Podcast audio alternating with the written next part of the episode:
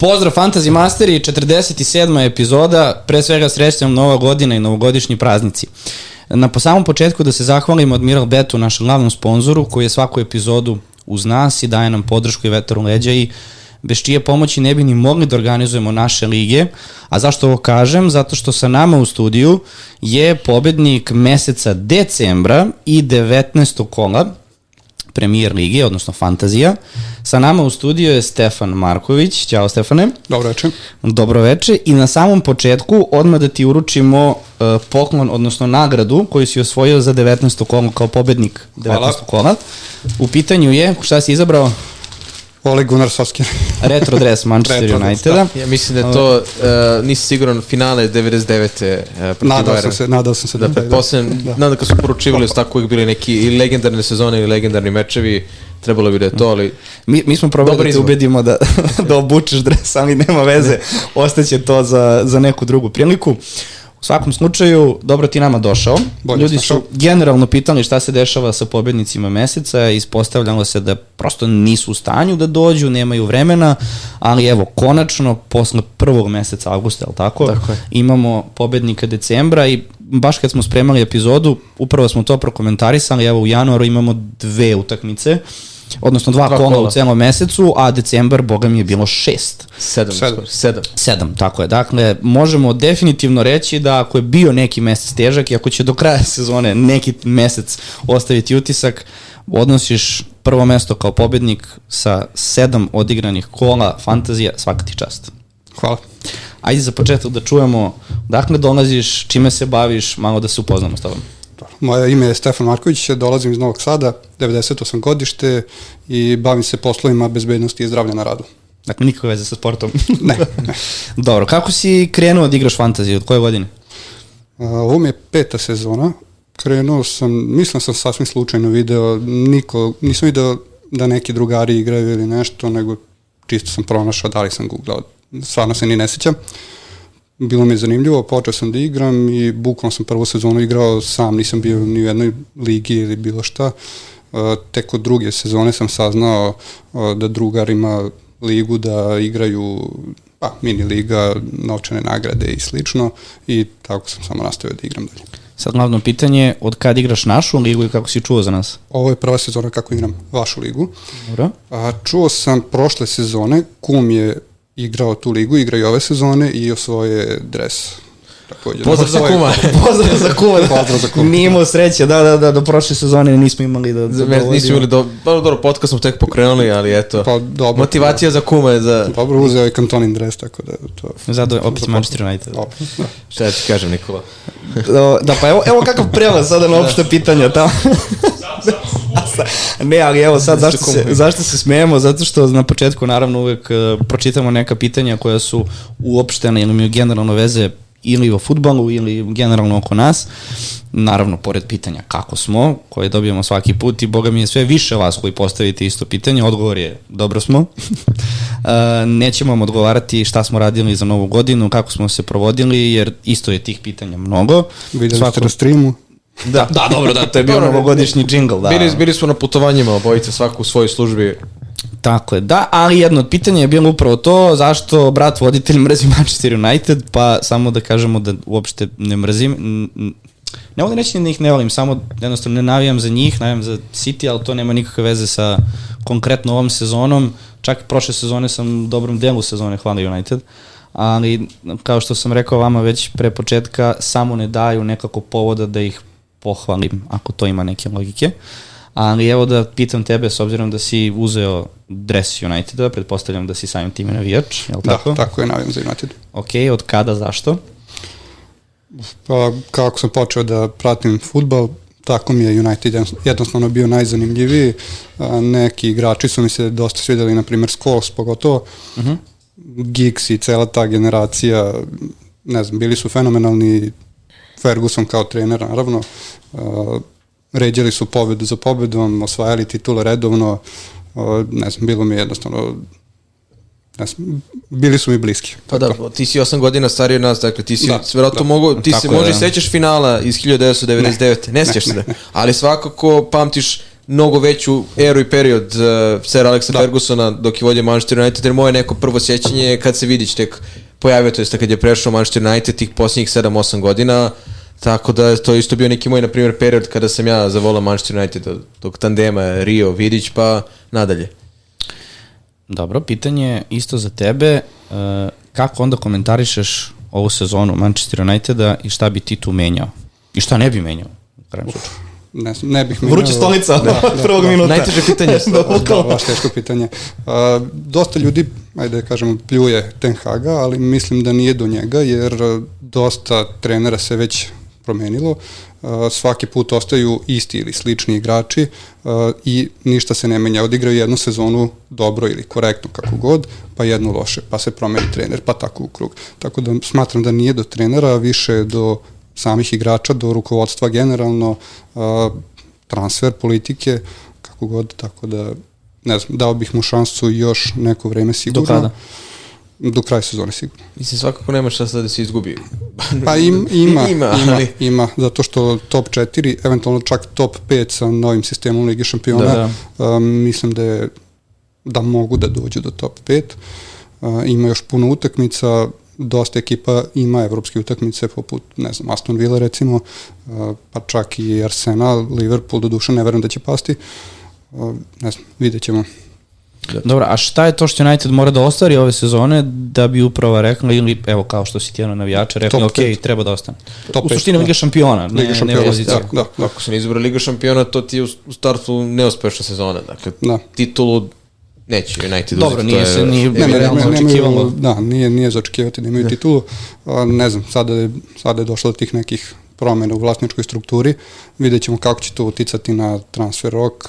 Ne verujem da će se nešto mnogo menjati u januaru, koliko vidim da za sada pokušavaju da se odtarase nekih igrača, da li na pozajmice, da li da ih prodaju, ali sama kupovina, ne znam, ne znam ni koja pozicija bi bila najbolja da se popravi, fale golovi, ali opet Hojlund je tu negde, ali ne znam, kao da, kao da fali, fale fale mu asistencije, odnosno fale ljudi koji će da ga proigraju i da on jednostavno krene sa golovima. Da. Koga bi doveo u zimskom prelaznom roku? Ili makar koju poziciju? Ako nemaš konkretno ime. Mm, Veznjaka. Veznjaka? Da. I on bi išao u startnu sa... Ko bi ti ostao u postavi? A, Mejno. Aha. Da, Mejno se isto meni poprilično sviđa, čak mi i sad deluje kao da je stabilniji od McTominaya ispratio. Ne znam da li si gledao utakmicu protiv Vigana sad nisam, nisam u Liga Kupu. Svidelo mi se pre svega njegovo kretanje, nekako sam stekao utisak da kad god prima loptu da je uvek bar 3-4 metara dalje od nekih protivničkih igrača, da dobro prepoznaje prostor i ima tu određenu anticipaciju, ali ako nešto Manchester United ove sezone može da profitira nečem, to su ovi mladi igrači, kako iz škole, tako što je doveo i Garnačo u posljednje vreme, neko ko tih mlađih pruža neke partije zbog čega su dovedeni i šta se zapravo očekuje da od njih budu u budućnosti, tako da vidjet ćemo, naš, ono, imao si gol Rashforda i asistenciju Rashforda kao neki znaci da je malo ponovo živnuo, vidjet ćemo da li će Bruno da se vrati na fantasy priče i generalno Čuveni, da. čuveni momci, daj im još jednu šansu. Da, mi da, da. stalno u podcastu pričamo o Bruno i Rashfordu da. i davanju nove šanse.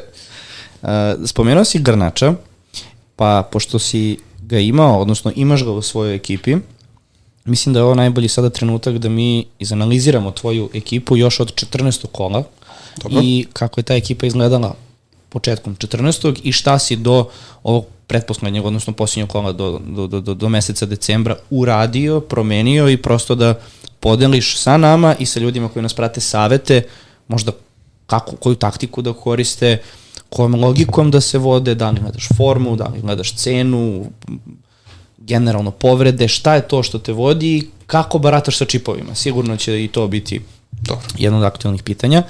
Tako da bih ja počeo od 14. kola, gde je tvoja ekipa uzela 59 bodova, a imao si ovako, na golu Martinez i Areola, pretpostavljam Areola od početka sezone neka Nije baš od početka, ali drugo, treće kolo, tako nešto je bilo, da.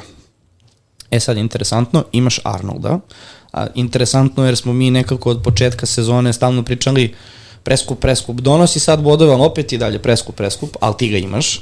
Pa pored njega, znači duplirana odbrana Liverpoola sa Cimikasom, Cufal takođe u uh, zadnjoj liniji i onda na sredini terena Salah, Bowen, Son, Mbeumo, Palmer i u napadu, ono što je interesantno, Alvarez i Isak, dakle bez Haalanda. Dok na klupi imaš Enketio, Lamtija i Udogija. Za ljude koji sad ovako odslušaju, to je kolo u kome je Newcastle dobio United 1-0, Liverpool Fulham 4-3, City igrao sa Tottenhamom 3-3. Kreni. Dobro. Ništa, u suštini transfere je dosta dirigovao Haaland. Iako ga nisam imao, zašto ga nisam imao? Moja odluka je bila da ga izbacim iz tima kada je krenuo teži period za Manchester City. Smatrao sam da neće moći da postigne toliko golova koliko je postigao, što se nije ispostavilo tačnim. Međutim, ono što je dobro bilo po mene, to je što sam dobro rasporedio novac koji sam dobio od Haalanda, tako da da, to, to je pokrilo te Haalandove Nisi osetio njegove golove. Tako je, da. tako je. Čak imao sam recimo sreći u onom kolu gde je izbačen, izašao na polovremenu. A, proti Bormuta kad tako je bilo... Je, tako je, gde je dosta gola. ljudi stavilo njega za kapitena. Ovaj, mada nisam čak sigurno, mislim da nisam ni ja dobro sa kapitenom prošao, ali opet nisam imao Haalanda, imao sam neku drugu jaču poziciju. Uh, što se Arnolda tiče, njega sam doveo kada sam radio wild card, čini mi se. Uh, smatrao sam da im ide jako dobar period. Uh, i da jednostavno može da doprinese mnogo. Birao sam koga dovesti, ko tu može da pokrije, da li, da li Arnold, da li Trippier, da li ipak da, da ostavim Haalanda, na kraju sam se odlučio za Trent. Za Trent. E, pitanje je sad, dobro, Palmer je već u tom trenutku krenuo e, da... Da, da, da, tu, tu sam ga imao, čini mi, čini mi se od prethodnog ili od pre dva kola u tom momentu. A, mislim da je bio 5,1 ili 5,2 kada sam ga doveo. Tako je, to je ta da. neka njegova cena kako je krenuo u suštini, da. Da, da. da. I iz Tottenhama si imao Sona, bez nekih drugih opcija i upravo to je ono što mi stalno pričamo, Isak ili Wilson, Isak ili Wilson iz Newcastle, imaš Isaka. A, mislim da je Wilson u tom momentu bio povređen i to sam iskoristio, a, kupio sam Isaka, imali su par dobrih utakmica, a, opet kažem, Haaland je dosta toga dirigovao, prodao sam Watkinsa koji je u tom momentu bio povređen, to je ono kolo kada su Bowen i Watkins bili upitni, na kraju Watkins igrao i doneo bodove protiv Bournemoutha, čini mi se. I voli asistenciju imao na da, kraju. Da, da, da. Ovaj, međutim, zbog uh, novca, zbog cene Watkinsa, cene, uh, cene Isaka koja je rasla, uh, morao sam da napravim neki tako rizični potez kako bih mogao da vratim Haalanda kolo ili dva nakon toga. Uh, A, Wilson, kažem, bio je povređen. Isak se na kraju nije ispostavio kao dobra opcija, jer u tim kolima nije doneo ništa, čak se na kraju i povredio, međutim nekako je uspio da preživi do, do sada u mom timu, čak je vratio sa, sa nekim golovima i ne znam, ajde da nastavimo dalje. Da, ne, ne, kola. naravno, nego evo gledam u sledećem kolu, odradio si jedan transfer Dobro. i ako se ne varam, zamenio si upravo Martineza za Dubravku. Dakle, vrlo jedan interesantan potez gde mi generalno ljudima ne savjetujemo da troše transfere na golmana. Da, ali ne znam zašto, to je uobičajen savjet, da, ali ne slažem se. Ako misliš da će ti neki golman u nekom periodu doneti uh, ili dovoljno novca da bi napravio neki transfer ili dovoljno bodova, uh, zašto ne bi napravio transfer? Uh, šta se ovde desilo? Martinez do tada odnosno od momenta kada sam ga ja uzeo na wild cardu, do tada nije imao ni jedan clean sheet, bilo mi je dosta Aston Ville sa te defanzivne strane, odlučio sam da prodam Martineza, da dovedem Dubravku koji je u tom momentu koštao 3,9, Pop se povredio i Znalo to mi je bilo, brani. tako je, tako je bio mi očigledan potez, sačuvao sam opet pare koje su bile planirane za Haalanda dalje.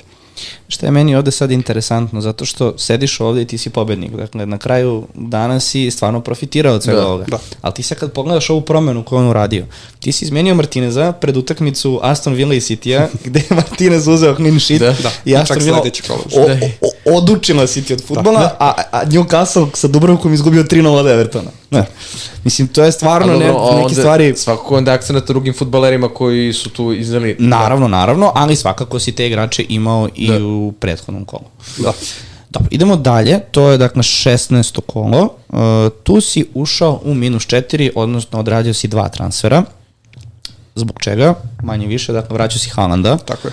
Uh, odbrana je ostala ista, gledam Arnold, Cimikas, Cufal, Dogi, Lamti, uh, Dubrovka je rola na golu, uh, Salah, Son, Bowen, Palmer su ostali isti sa sredine, imaš Alvareza i Isaka, koji su ti takođe ostali isti, dovodiš Halanda i Garnača.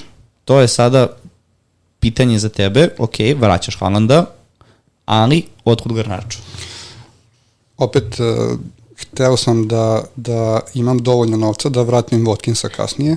Uh, imao sam čak dovoljno novca da uzmem i nekog za nijansu skupljeg igrača i razmišljao sam čak o, ne znam, o Andreasu iz Fulama ili o Vilijanu koji su u tom momentu uh, davali neke golove i Fulam je igrao, to su one utakmice kada su imali po 5-0, da. tako je. Tako je, da. Uh, bio, bila je opcija uh, Tavernije iz Bornuta, uh, i čini mi se da svi igrači koje sam od prilike razmišljao da li da dovedem, da li da ne dovedem, svi su u tim kolima nešto uradili, osim Garnača kog sam zaista i doveo. To je, to je kola u kome United izgubio 3-0 kod kuće protiv, protiv Bormuta. Da, da. U suštini Garnačo nije bio planiran da igra konstantno za te pare 4,7 u tom momentu. isplatilo se da imaš napadača, napadača, ajde, Uniteda koji igra redovno i sigurno da može nekada da, da uskoči da igra a, prvu postavu, mislim prvu postavu u fantaziju, da donese neki bod i ako ne, uvek može da sedi na klupi i za te pare nisi izgubio ništa kao da si uzeo da. bilo kog igrača za 4-5, 4-7, nebitno da sedi na klupi. Tako, interesantno. Ne sam da zamislim šta bi bilo na kraju da si ostavio Dogija u startnoj, da. jer ti on bio treća izmena sa 9 bodova. Da, da, to da. te vratno bolelo jako. su bolelo dok nisu primili gol da, na kraju. To su, čini mi da. se, u 80 nekom minutu primili gol i izgubili clean sheet. Moje pitanje je, dakle, ova dva transfera koje si uradio, to si već spomenuo, ali samo dakle, da, da naglasimo, to si od starta i želeo. Da. Odnosno, čekao si trenutak kada ćeš vratiti Haaland u ekipu, tako? Tako je, tako je. Dobro. Uh, idemo dalje, 17. kolo, tu si već imao 74 boda, uh, odradio si opet jedan transfer, uh, Dubrovka je isto na golu, u Dogi Arnold, Cufal, Cimikas Lamti, isto u odbrani, sredina terena Salah Son, Bowen, Palmer i imaš Garnača koji je ok, ostao na klupi i opet promena u napadu Alvarez, Isa koji je ostao na klupi, a njegovo mesto u startnoj sad ima Watkins. Dakle, u narednom kolu već praviš promenu zbog koje si išao u minus. Tako je.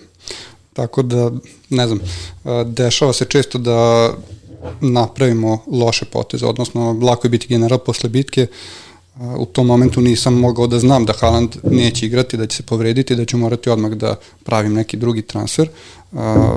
I što je najgore, pre toga sam prodao Watkinsa koji je donao 12 bodova, pa sam posle išao u minus 4 zbog Haalanda, to se, Martineza sam prodao, kao što si rekao, to se sve čine kao loši potezi, međutim uvek sam pravio i neke dobre transfere koji su kasnije vraćali te bodove. Znači kada pravimo transfere, kada igramo fantasy, gledamo više kola unaprijed. Znači jedno kolo može bilo koji da. igrač da ne uradi ništa, tako je.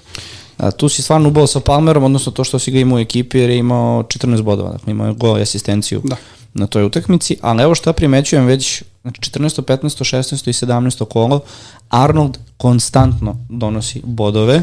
A tu još uvek I, nije bio na nekom višem procentu vlasništva, dakle dalje mogao se kategoriše kao blaži ili solidan diferencijal i to je nešto što je pravilo razliku, jer on ni pred novu godinu nije bio negde oko 50% efektivno ownershipa, a tim trenucima koji imao 20% i on je konstantno tu bio blizu dvocifrenog broja poena ili je bio dvocifren. Da, pa tome sam se i nadao da. u suštini. Ja sam ga uzeo na 7,9, sada da. je 8,5, tako da značajno ranije da. sam ga uzeo. I onda dolazimo do 18. kola, ako se ne varam, možete ovo i najlošije u decembru, 46 bodova. Da.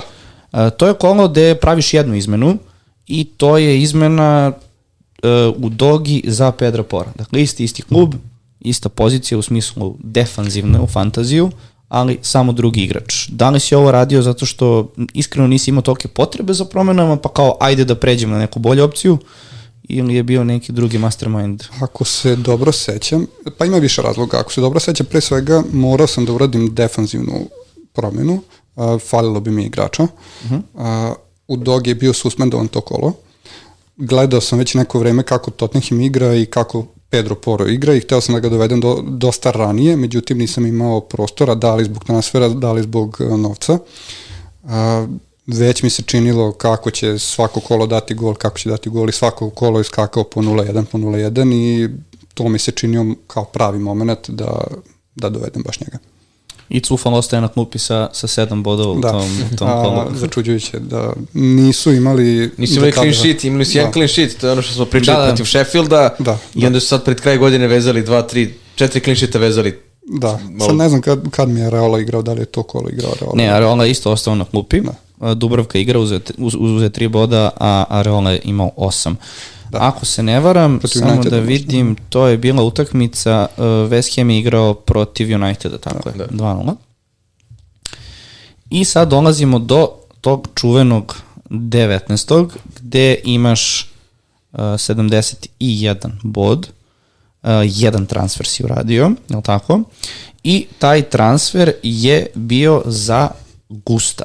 Dakle, promenio si opet igrača u defanzivi i stavio si Gusta iz Chelsea. Pa prosto, Cimika se povredio i znalo se da ga neće biti dugo, odlučio sam se za Gusta, iako u tom momentu a, tek se i on vratio iz povrede, James se povredio, a, Gusto igrao, čini mi se, po 20-ak, 30-ak minuta, možda ne, ne znam da li je bila neka kup utakmica, nisam siguran, mislim da nije čak. Te utakmice gde se na kunku pojavljuje u porazu Chelsea Da, protiv da, Wolverhamptona 2-1. Da, Ove, ništa u suštini sam se odlučio da, da probam sa njim. A, back Chelsea za 4 miliona, 4-1 koliko već. Mislim da se isplatilo imati ga, opet za te pare može da sedi na klupi kad treba, tako da, ne znam, meni je bio logičan transfer. E, pardon, to je bila utakmica, izvini, 2-1 Chelsea je dobio. Da, Da, da. vidim, Gust je možeš- asistirao, otišao Da, da, gledam kako da. je uzo bodove, da, da, izvini, molim te. To je ta utakmica, a pored toga, evo, na primjer, Areola ti dalje ostaje na klupi. Da. Dakle, nisi, nije ti se upala lampica da eventualno probaš sa njim tu utakmicu koja ima West Ham. Nisam očekivao da će, da će opet imati clean sheet. To je, to je utakmica gde, gde pobeđuju Arsenal Da. u, u gostima 2-0. Pa, mislim, ajde da, sad da, da je stvarno, da, da, naravno, da. naravno, ali što ti kažeš, uvek general posle bitke, ali se ja sad kad Da. gledam, evo vidim, dva, dva puta za redom Areola ostaje na klupi, 18 bodova je Šta da što što, radi? ali, Da, ali da. da, kad, kad imaš... vidi sledeće kolo, odnosno ovo sad prethodno kolo, a, kada sam vidio da Dubravka a, brani penal, da, bra, da ima one silne odbrane i ide u bonus, ne znam, i gledam Areola na klupi, rekao da, i sad kada ovaj bude imao jedan, dva boda sreća, Areola isto. Sreće Rola je bio docifren. Da. Zapravo da, Areola, je- Areola je to 20. kolo imao više bodova od Dubravke, Da.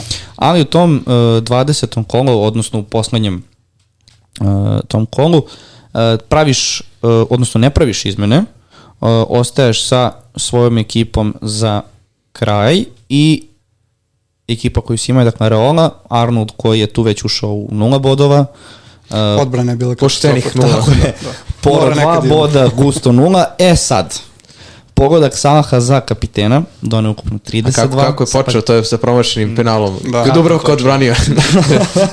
Sve nizbrdno. Da. Salah 32, Bowen uzeo bodove, pa dobro, 3, 3 poena, Son, Garnacho, Palmer je isto to kolo stvarno dobro odigrao 18 bodova i u napadu šteta što nisi mogao svu trojicu, ali dobro. Da. Alvarez, Watkins, m, Mogao sam umesto, i- umesto Garnača, ali odlučio sam se da ipak uh, ostavim Garnača kad je već prošlo kolo da one bodove da ga ispoštuje. Tako da, u svakom slučaju, interesantno je čak što si u 20. kolu imao više bodova nego u 19. Ali ti to 19. upravo ovaj, donelo pobedu kola, ali Da, ali i drugi su imali više bodova, tako da... tako To je. jest. Upravo tako. Dobro. Šta, šta bi bio neki zaključak za ovaj mesec? Jer, evo, na primjer, kada pogledamo našeg prvog gosta kad je bio, videli smo kako pametno stvarno dobro odigrati čipove. U ovom mesecu nekako je meni pouka da ljudi, upravo ono što si rekao, ako ti vidiš da ne ide izmenu koju si uradio, menjam. Kao što si imao, ok, jeste Haaland i povreda, sve to stoji, ali neko mi je bilo žao, sačekao bi možda, kao što sam ja savjetovao Relju pre nekog epizodu, kao sačekaj da vidiš, možda će biti jedna, dvije Da. utakmice maksimalno. Apsolutno, sad kad pogledaš, igraš vrlo, vrlo oštro, ajde to tako da nazovem. Pa da, u suštini makar ovaj mesec. Uh, jesu e, pa pripreme. to, da li si ranije to isto radio? Pa št- ne znam, sad mislim da jesam. Mislim da jako redko uspem da sačuvam dva transfera. Uh, sada sam recimo ovo kolo sačuvao dva transfera, Idealno. što, što je idealno da, zbog Da. povreda zbog Afriškog kupa i Azijskog kupa. Uh, pa što se tiče decembra, ne znam, to sa Haalandom, čim sam video da ne igra, da je povređen, malo sam listao da vidim šta kažu ljudi oko te povrede, koliko ona može da utiče na igrača, koliko bi mogao da odsustuje. Uh, znači, propušta Luton, propušta, bila je moguća, znači da li će igrati ili neće tu drugu dobru utakmicu, pa je imao jednu, jednu blank nedelju. Uh, ne znam, mislio sam da se isplati za dva čitava kola, prodati ga, dove, dovesti, ne znam, nekog drugog igrača da. i ići da, dalje. Ni igra ni protiv Evertona, ni protiv Sheffielda, tako, tako na kraju to ispostavilo se ozbiljnija povreda gde on već mesec dana da. nije zaigrao. Čak je upitan i sad protiv Newcastle. Da, i to i dalje klimamo, bez obzira što se priča da trenira, ali on i dalje nije... Da. A očekujem da će da. biti na klupi. Ali... Ako išto, da. Pa dobro, on se pojavio svakako, ali među igračima vidi se da je tu prisutan, da. ali upravo to, prećemo vidjeti Kevina da. opet na terenu, ne, već smo ga videli zapravo, da, da. Ne, nego Halanda. Ali je to neki savet sad, evo, šta, kako ćeš do kraja sezone? Jel imaš sad nameru da izguraš bez Halanda do kraja ili ćeš se opet posvetiti sa nekim šteđenjem sa strane, novcem, da ćeš ga vratiti u nekom trenutku ili ćeš probati, ma, pusti čoveka, šta sad? Pa, ne znam još uvek kako ću da, da odradim ostatak sezone. U suštini, dobar deo sezone sam igrao sa 5, 6, 7 miliona u banci, dok nisam imao Halanda, ali opet nisam ih trošio toliko na drugi igrače, čak su mi transferi bili uslovljeni Halandom, što nam govori koliko on utiče na igru, čak i kada je povređen, kada ne igra, ili kada ima težak raspored. Da li, da li se isplati imati ga ili igrati bez njega? Ako dobro rasporediš te pare, pa ako imaš, ne znam, Trippier, Arnolda, Sona, Salaha, Saku, ne znam, sve ozbiljne igrače, a nemaš Halanda, zašto da ne? Sad vidjet ćemo, opet zavisi od duplih kola. Verujem da ću ga uzeti kada budu imali duplo kolo, to treba iskoristiti eventualno za triple kapitena ili njega ili Salaha ili ne znam, možda, možda i neka, da. neka druga opcija. A, nakon toga mislim da ću čak igrati bez njega. Dobro. Interesantno. Ja mislim da ovim pređemo polako na najavu kola. Uh -huh.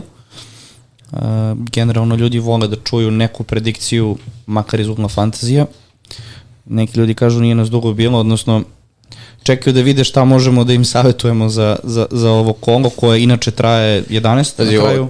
Aj, ajde, što, ajde što kolo traje 11 dana, nego prvo što imamo ono, haos pred početak kola. Ma, ja ne znam kako da najavim Nisim, to. Ja, ja, ja ono, sizalo mi u DM, ono, šaljem im, šaljem momci tim 7-8 igrača po zastavicama, znaš. I kako je nekom da kažem, kao ne, nemoj da iskoristiš wild card, sačekaj, bit će dupli kola, bit će praznikan, nema te igrači, onda prosto takva situacija, znali smo da nam sledi uh, kup afričkih nacija, dakle mi smo znali da nam i sledi i Aziju, obaveze reprezentativaca koji idu u Aziju, dakle Son, Salah pre svega, ali nismo baš računali da će i Aleksandar Arnold da se povredi, nismo računali da će i Bowen da se povredi, bez obzira što Tako iz dana dan na kraju mu se smanjuje taj period koliko će bude van terena, pa dodamo tome paketu koji je to povređen, tako da ima tu dosta sitnih stvari koje su uglavnom te futbolere koji su masovni, to je popularni fantaziju, doveli od toga da svaki fantasy igrač ima barem dva ili tri futbolera koji su povređeni i da sad treba da se donesu odluke da li da se ide na wild card ili neki dva transfera ako neko ima ili minus 4, minus 8 da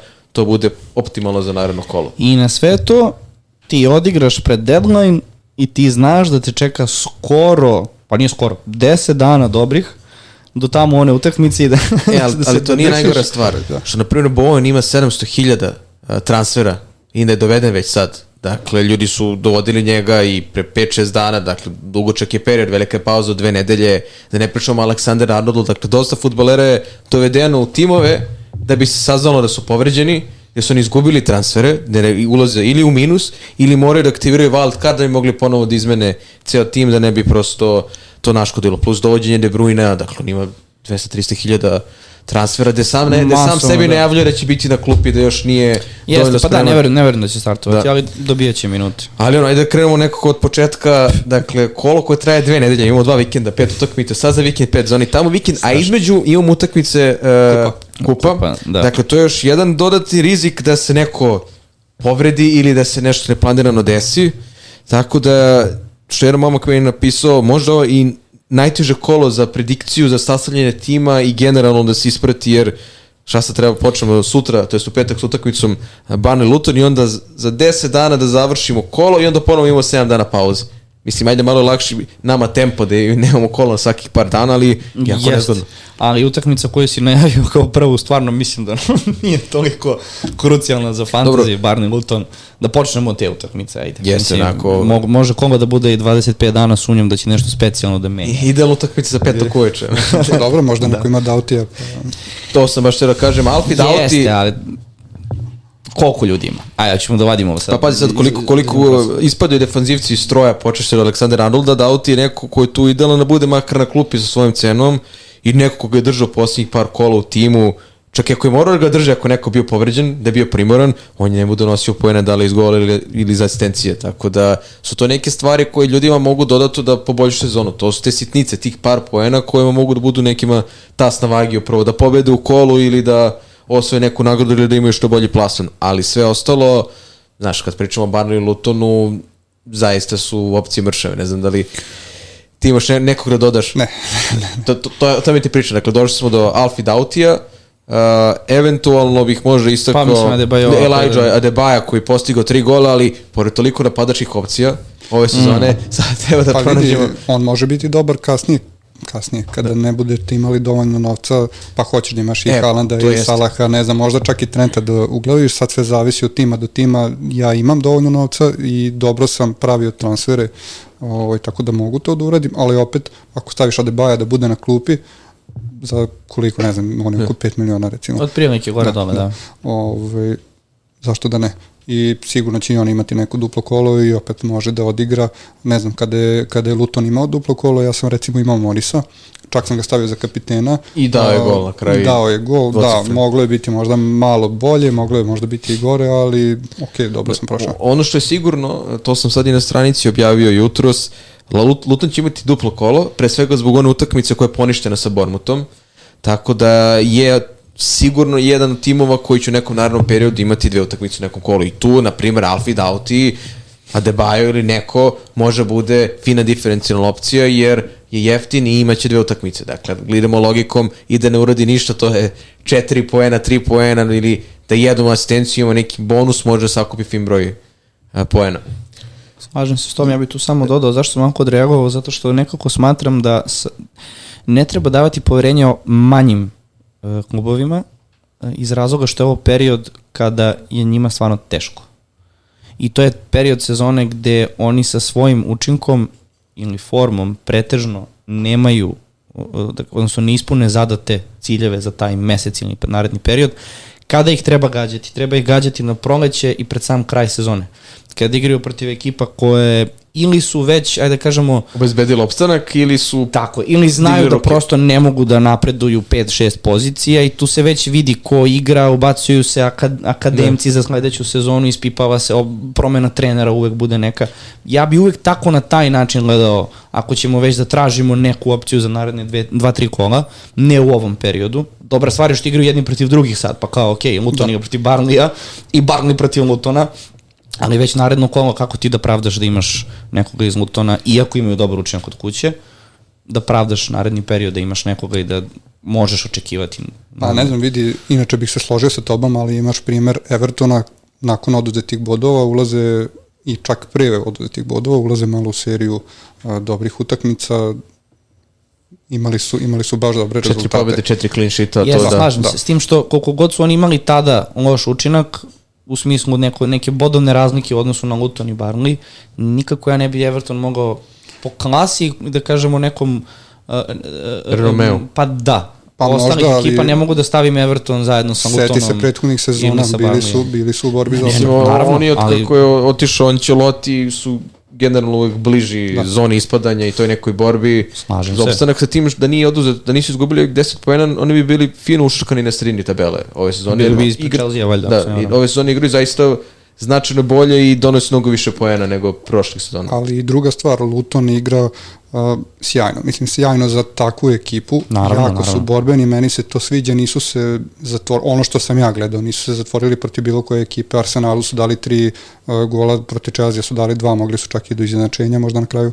Oni su svakom timu uh, iz top 6 Dobili su dali gol. Newcastle, tako, pre neko kola. Da, to je to, ono što, mi smo pred početak onako najavljivali ko će da bude glavni kandidat za ispadanje, svi su manje više Luton stavljali kao nekog sigurnog uh, neki siguran tim koji će bude na, zakucan na dnu bez ikakvih, kažemo, mogućnosti da se bori za opstanak, a trenutno od ova tri tima koji su došli iz Championshipa Jeste. je Luton najbliže tome da se realno bori za opstanak i najviše su pokazali protiv najjačih timova. Tako. Bez obzira što nisu uglavnom pobeđivali, oni su dali goli Manchester City u tri gola dali Arsenalu, pobedili su Newcastle, dakle, ipak su zaista pokazali da nisu tek tako slučajno došli u Premier ligu i da su totalno zalutali. Tako je. Ne znam, meni bi bilo žao da ispadnu, ali... Da, i do, do, smo do toga da su ono pokupili sve simpatije jer nisu se zatvorili, nisu ona bunkeraška ekipa da se mole da bude 0-0 eventualno nešto Pa na kontu. Luton je, Luton je postao nešto što smo mi možda najviše očekivali od Barnlija zapravo. Mada ne igra, ni- mada ni Da, Barnley, da. mada ni Barnley nije bunkeraška ekipa. Barnley je, Ali nije to to. ni, nije, smo nemaju kvalitet da isprate prosto. Ali sa Lutonom je nekako specifično, ne možeš da kažeš da su neki znalci, ali taj trud i želja da, da postignu gol, da se nadigravaju, ne znam, stvarno Mislim, sjajno. ja, ja bih tu istakao u posljednje vreme dva veterana koji igraju zaista odlično u dresu Lutona, Ross Barkley i Andrew Townsend, dakle obojice su i postizali golove i bili aktivni na asistencijama, sad nije da ne pričam konkretno nešto iz ugla fantazije, da li smatram da su dobre opcije ili ne, ali proživljavaju neke nove momente i, i dobre partije, to je jedan od razloga zašto Luton zapravo može svakome da naškori. Dakle, nije tim za popravljanje razlike, to su sad već dokazali, dakle nije neko ko, proti koga možemo da računamo da će sačuvati mrežu i drago mi da je to tako ispalo na kraju jer cela ona priča, njihov stadion, kako je ušuškan onako atipičan ulazak na tribine, ima tu neku svoju, da kažemo, romantičnu priču. Apsolutno. Mislim, ok, Da. stvarno, apsolutno se slažem s vama, samo sam eto dodao taj deo, nekako imam utisak u ovom delu sezone, ja bih iskreno lično sad kad biram ekipu, ne bi išao na opcije. A dobro, Da. naravno. To ne, nekako, to mi je Dobro, pokazalo da. prošlih sezona da prosto očekujemo dobro igru na početku, uhvate, znaš, taj neki ritam i naprave iznenađenja i onda dođe taj čuveni januar, februar, sredina marta, gde počinju svi iz top 6 da dobijaju, nekako se ustali ta tabela i onda opet bude neki Da. miks. Mislim, neki osjećaj, Da. moje ovako, ne kažem Ali da će to, to biti naravno. Generalno, kako, kako često igrači naprave neku razliku u fantaziju, uh, uzmu igrača iz slabijeg tima gde niko ne misli da će on donositi bodove, pa ne znam, Da. sad je Archer doneo, ili tako dvoje dve utakmice zaredom je doneo bodove. Za te pare, Da. ok. Ali, naravno, treba znati kada I koga. očekivati nešto, da. Tako je. Ove, valja gledati raspored, valja gledati formu. Tako ono, Taylor iz Barleya kad je protiv Sheffielda donao 10 poena, kad su pobedili 5-0, pa su svi oni, Amduni, Koleošo, cela ta ekipa tih eh, ofanzivnih futbolera su donali poene, jer su tad razbili Sheffield. Pa evo jedan tipičan primer i možda jako bitno pitanje za narednu utakmicu koju igraju Chelsea i Fulham, uh, gde Chelsea igra kod kuće, je upravo to pitanje oko Jimeneza. Odnosno, s jedne strane imamo Chelsea gde više ne znamo šta očekujemo od njih, a ako postoji neka ekipa pored njih u Premier Ligi od koje ne znaš šta da očekuješ, iz kola u kolo, to bi verovatno bio Fulham, gde će biti od 5-0 do 0-5, manje više. Pa da, ali sa, sa tim što u ovom periodu gde Fulham nije postizao golove između onih Da, sjajnih utakmica, nije bilo Jimeneza, Jimenez se vratio protiv Arsenala, šta se dešava? Fulham postiže dva gola, Jimenez daje gol, Fulham pobeđuje Arsenal na svom terenu, gde Arsenal odigrao možda, ako ne najlošiju, barem dve, jednu od dve najlošije partije ove sezone. To se na kraju sad poklopilo i sa nekim drugim utakmicama, ali sad prelazimo na, tu, na Chelsea Fulham. Pa da, idemo, idemo redom. Da pustim nismo, nismo predvideli rezultat uh, utakmice, ne znam. Barney dobro, Fulham, da, Bar, da. Barney Luton. Ajde. Šta misliš? Pa ne znam, ovde uglavnom kada su takve utakmice u pitanju dajem prednost domaćinu. To je utakmica gde obe ekipe mogu da a, traže bodove za opstanak, ali mislim da će Barnley dobiti. Na primjer, ja ovde ne vidim isto 0-0, jer Čekam očekujem, te. o, ne, očekujem da, oba, da, da se oba tima otvore, jer su ovde bodovi, ovo su, Pa jako ovo su ti oni six pointer utakmice. Tako dakle, ko ovde pobedi i ovde ako Luton savlada Burnley, može se desiti da bude izvan zone ispadanja ako Everton a, ne pobedi u njihovoj utakmici, a Burnley ovde ako izgubi dodatno mu se otežava pozicija, a već sad je nezahvalna, ali ovde 1-1-2-2, može čak bih preišao na, da kažem, tu neku prednost Barnlija, ali svakako vidim golove na obe strane. Dobro, hoćemo onda sad sledeću Da. utakmicu, dakle Chelsea Fulham i nadovezao bi se s ovo što sam rekao za ovu utakmicu sa pitanjem upravo za, Hime, za Jimeneza, kao što si rekao naredne utakmice oni imaju protiv Evertona, Barnlija i Bournemouth. Dakle, evo tog, te situacije gde Jimenez stvarno može da, da ima stvarno ozbiljan učinak u naredne tri utakmice i da li je on možda prvi pik o kome treba da pričamo Pa to, to je ono što je spomenuo Stefan uh, za neku jeftinu opciju, na primjer iz Lutona ko može da slobodi budžet, to može bude Jimenez, 5,2 miliona nije mnogo. On je u posljednje vreme pronašao neki svoj ritam. Dakle, mi pričamo o napadaču koji je pre one povrede zaista bio dokazani primjer ligaški napadač u Wolvesima i onda ga ta povreda totalno izbacila iz svih, svakog moguće koloseka i samopouzdanje. Ovo što je on pružao na posljednjih par utakmica je nešto što ovo posjeća na Saro -huh. Jimeneza. Dao je gol glavom, to se zvuči kao wow, da je gol glavom, ali upravo je ta povreda glave bar kad sam ja njega gledao, totalno mu izbacila da li osjećaj ili dovoljno hrabrosti da ide duela Dovoljno i da... da ima strah. Da je- Dovoljno da ima da- strah i da 10% slabije ulazi u duel zbog toga i kraj. Delo je da je pronašao konačno sebe i, i ako on ovako nastavi, to je ponovno jedan od jeftinih napadača koji možete bude ako išao za klupu. Da li, da li bi još nekoga izdvojio s Fulama za ovu utakmicu? Ili- Nisam, nisam, nisam toliko pratio Fulham, ne znam, ne znam ni ko im je povređen, ko igra, čak i Andreas, uh, mislim bio na klupi prošlo kolo, uh, William, ne znam da li se vratio iz povrede, ali Ajvo- ne, ne Ajvo volim da nije, pričam o nečemu gde ne znam, Pa ne, e, nemaju Basija i, i Vobija koji su otišli na... Da, da, ali gledam da li tu još neko ostao. Neko od ovako od esencijalnih, bar iz ugla fantazija, ne bi trebalo da fali. Dakle, to Ali- ostaće Wilson, tu će biti Perira, imaju sad Jimeneza. hajde, hajde ovako da postavimo, uh, zavisi šta fali tvom timu, znači Da. ako je neko postavio to pitanje, da li imaš veći problem što je Salah otišao, što je Son otišao, što je Hwang otišao ili ti fali napadač, ako ti fali napadač, što da ne probati sa, sa Raulom. Ima, ajde, Chelsea kao i ole težu utakmicu, bar na papiru, mada kako Chelsea igra to ne možemo da znamo. Bar defanzivno nisu pretnja da, da Pa- očekuješ da će da sačuvaju mrežu tek tako. Pa šta znam, umeli su ove Ume- sezone, umeli su, ali opet pitanje.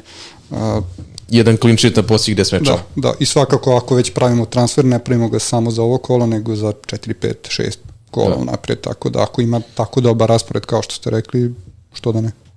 Sa druge strane Chelsea. I pitanje koje imamo, da li uh, umesto Palmera dovoditi Sterlinga To je, da, li, da li Sterling, da, da Palmera dođe mesto Sterlinga? Uh -huh. Pa, ako već sad neko nema Palmera, mislim da je ovo zaista trenutak gde moramo ga nazovemo onom obaveznom opcijom. Dakle, prvo zbog cene, drugo što već par navrate bio dvocifren, dakle, ovo što je pokazao protiv Lutena, nisu to brojke koje slučajno dolaze. Dakle, tu je jako bitno kod futbolera da se i vidi na terenu i zna da to nije igrač od kojeg mi sad ne očekujemo, aha, imao je sreće, do, postigo je toliko golova, donao toliko poena, očigledno je da se snašao i da igra odlično ove sezone, da nije slučajno i bio u Manchester City, da nije tek tako doveden. E sad, moje glavno pitanje za Stefana, da li neko, osim Palmera, ima prostora da se nađe u nečijem fantasy timu? Evo, ja ću Ja, ti, ja ću ti Znaš, pomoći. Da, to, to je onako pitanje Ja, ja ću ti pomoći i pročitati naredni raspored, ali što se Chelsea tiče, ne znam koliko to uopšte znači da ti pročitam, ali Fulham, Liverpool, Wolverhampton, Crystal Palace, City Tottenham. To je, Šareno. ve, to je sad već malo dalje. Pa dobro, ali... City Tottenham ajde, su već u februaru. Ajde ovako da postavimo, ako već nemaš Palmera, mislim da bi morao da ga dovedeš. Sterling, ja Sterlinga generalno ne cijenim kao igrača, ne samo zbog igara u Chelsea, već i ranije. Ovaj, ok, umeo da da, da, da ne znam, po 10-15 golova u sezoni, ali opet igrao i u City-u i imao je dosta šansi, ali pitanje je opet ta njegova realizacija. Ima i bitna tu stvar, on je odradio suspenziju protiv Crystal Palasa, ali protiv Lutona nije ušao na teren ni sa klupe. Sad nema Jacksona, zato što je i on uh, sa reprezentacijom, dakle upražnjeno je jedno mesto, to verovatno može da popuni broja, ali ta utakmica da on nije dobio ni minut, može isto nešto da znači da i on u neku ruku nema zagarantovane minute.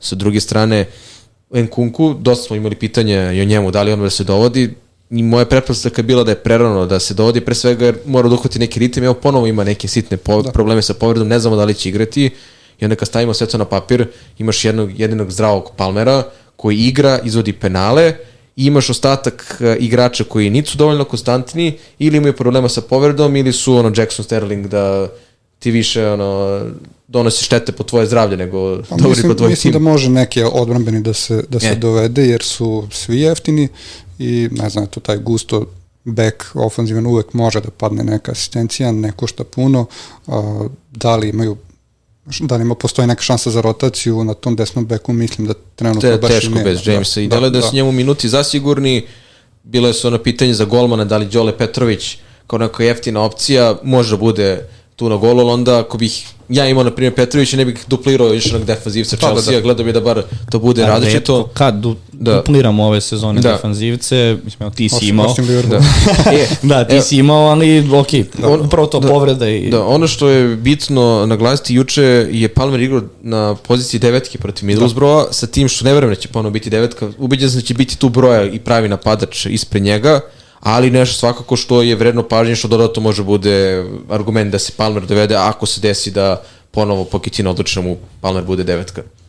To što da ne igra, i kada igra kao devetka, sigurno da je bliže golu, da, može da da gol, mada i- juče se videlo, juče tako Da. bilo, ili prekiče, ne, juče. Da, juče. Ove, ispromašivao se. Ne, ne, juče, juče, juče se nije sna, snašao, Da, ali da. daleko od toga da će uticati na njegove minute, niti na njegove partije. On je trenutno najbolji futbaler Chelsea. To je nešto Pa što da. je bez premca i jedina je realna i manje više obavezna opcija, sve ostalo iz nekog domena hrabrijeg i da ne kažemo ono diferencijal klasičan. Pa ne znam, osim, osim Palmera i eventualno nekog odbranbenog, ja ne bih uzimao nikoga iz Chelsea.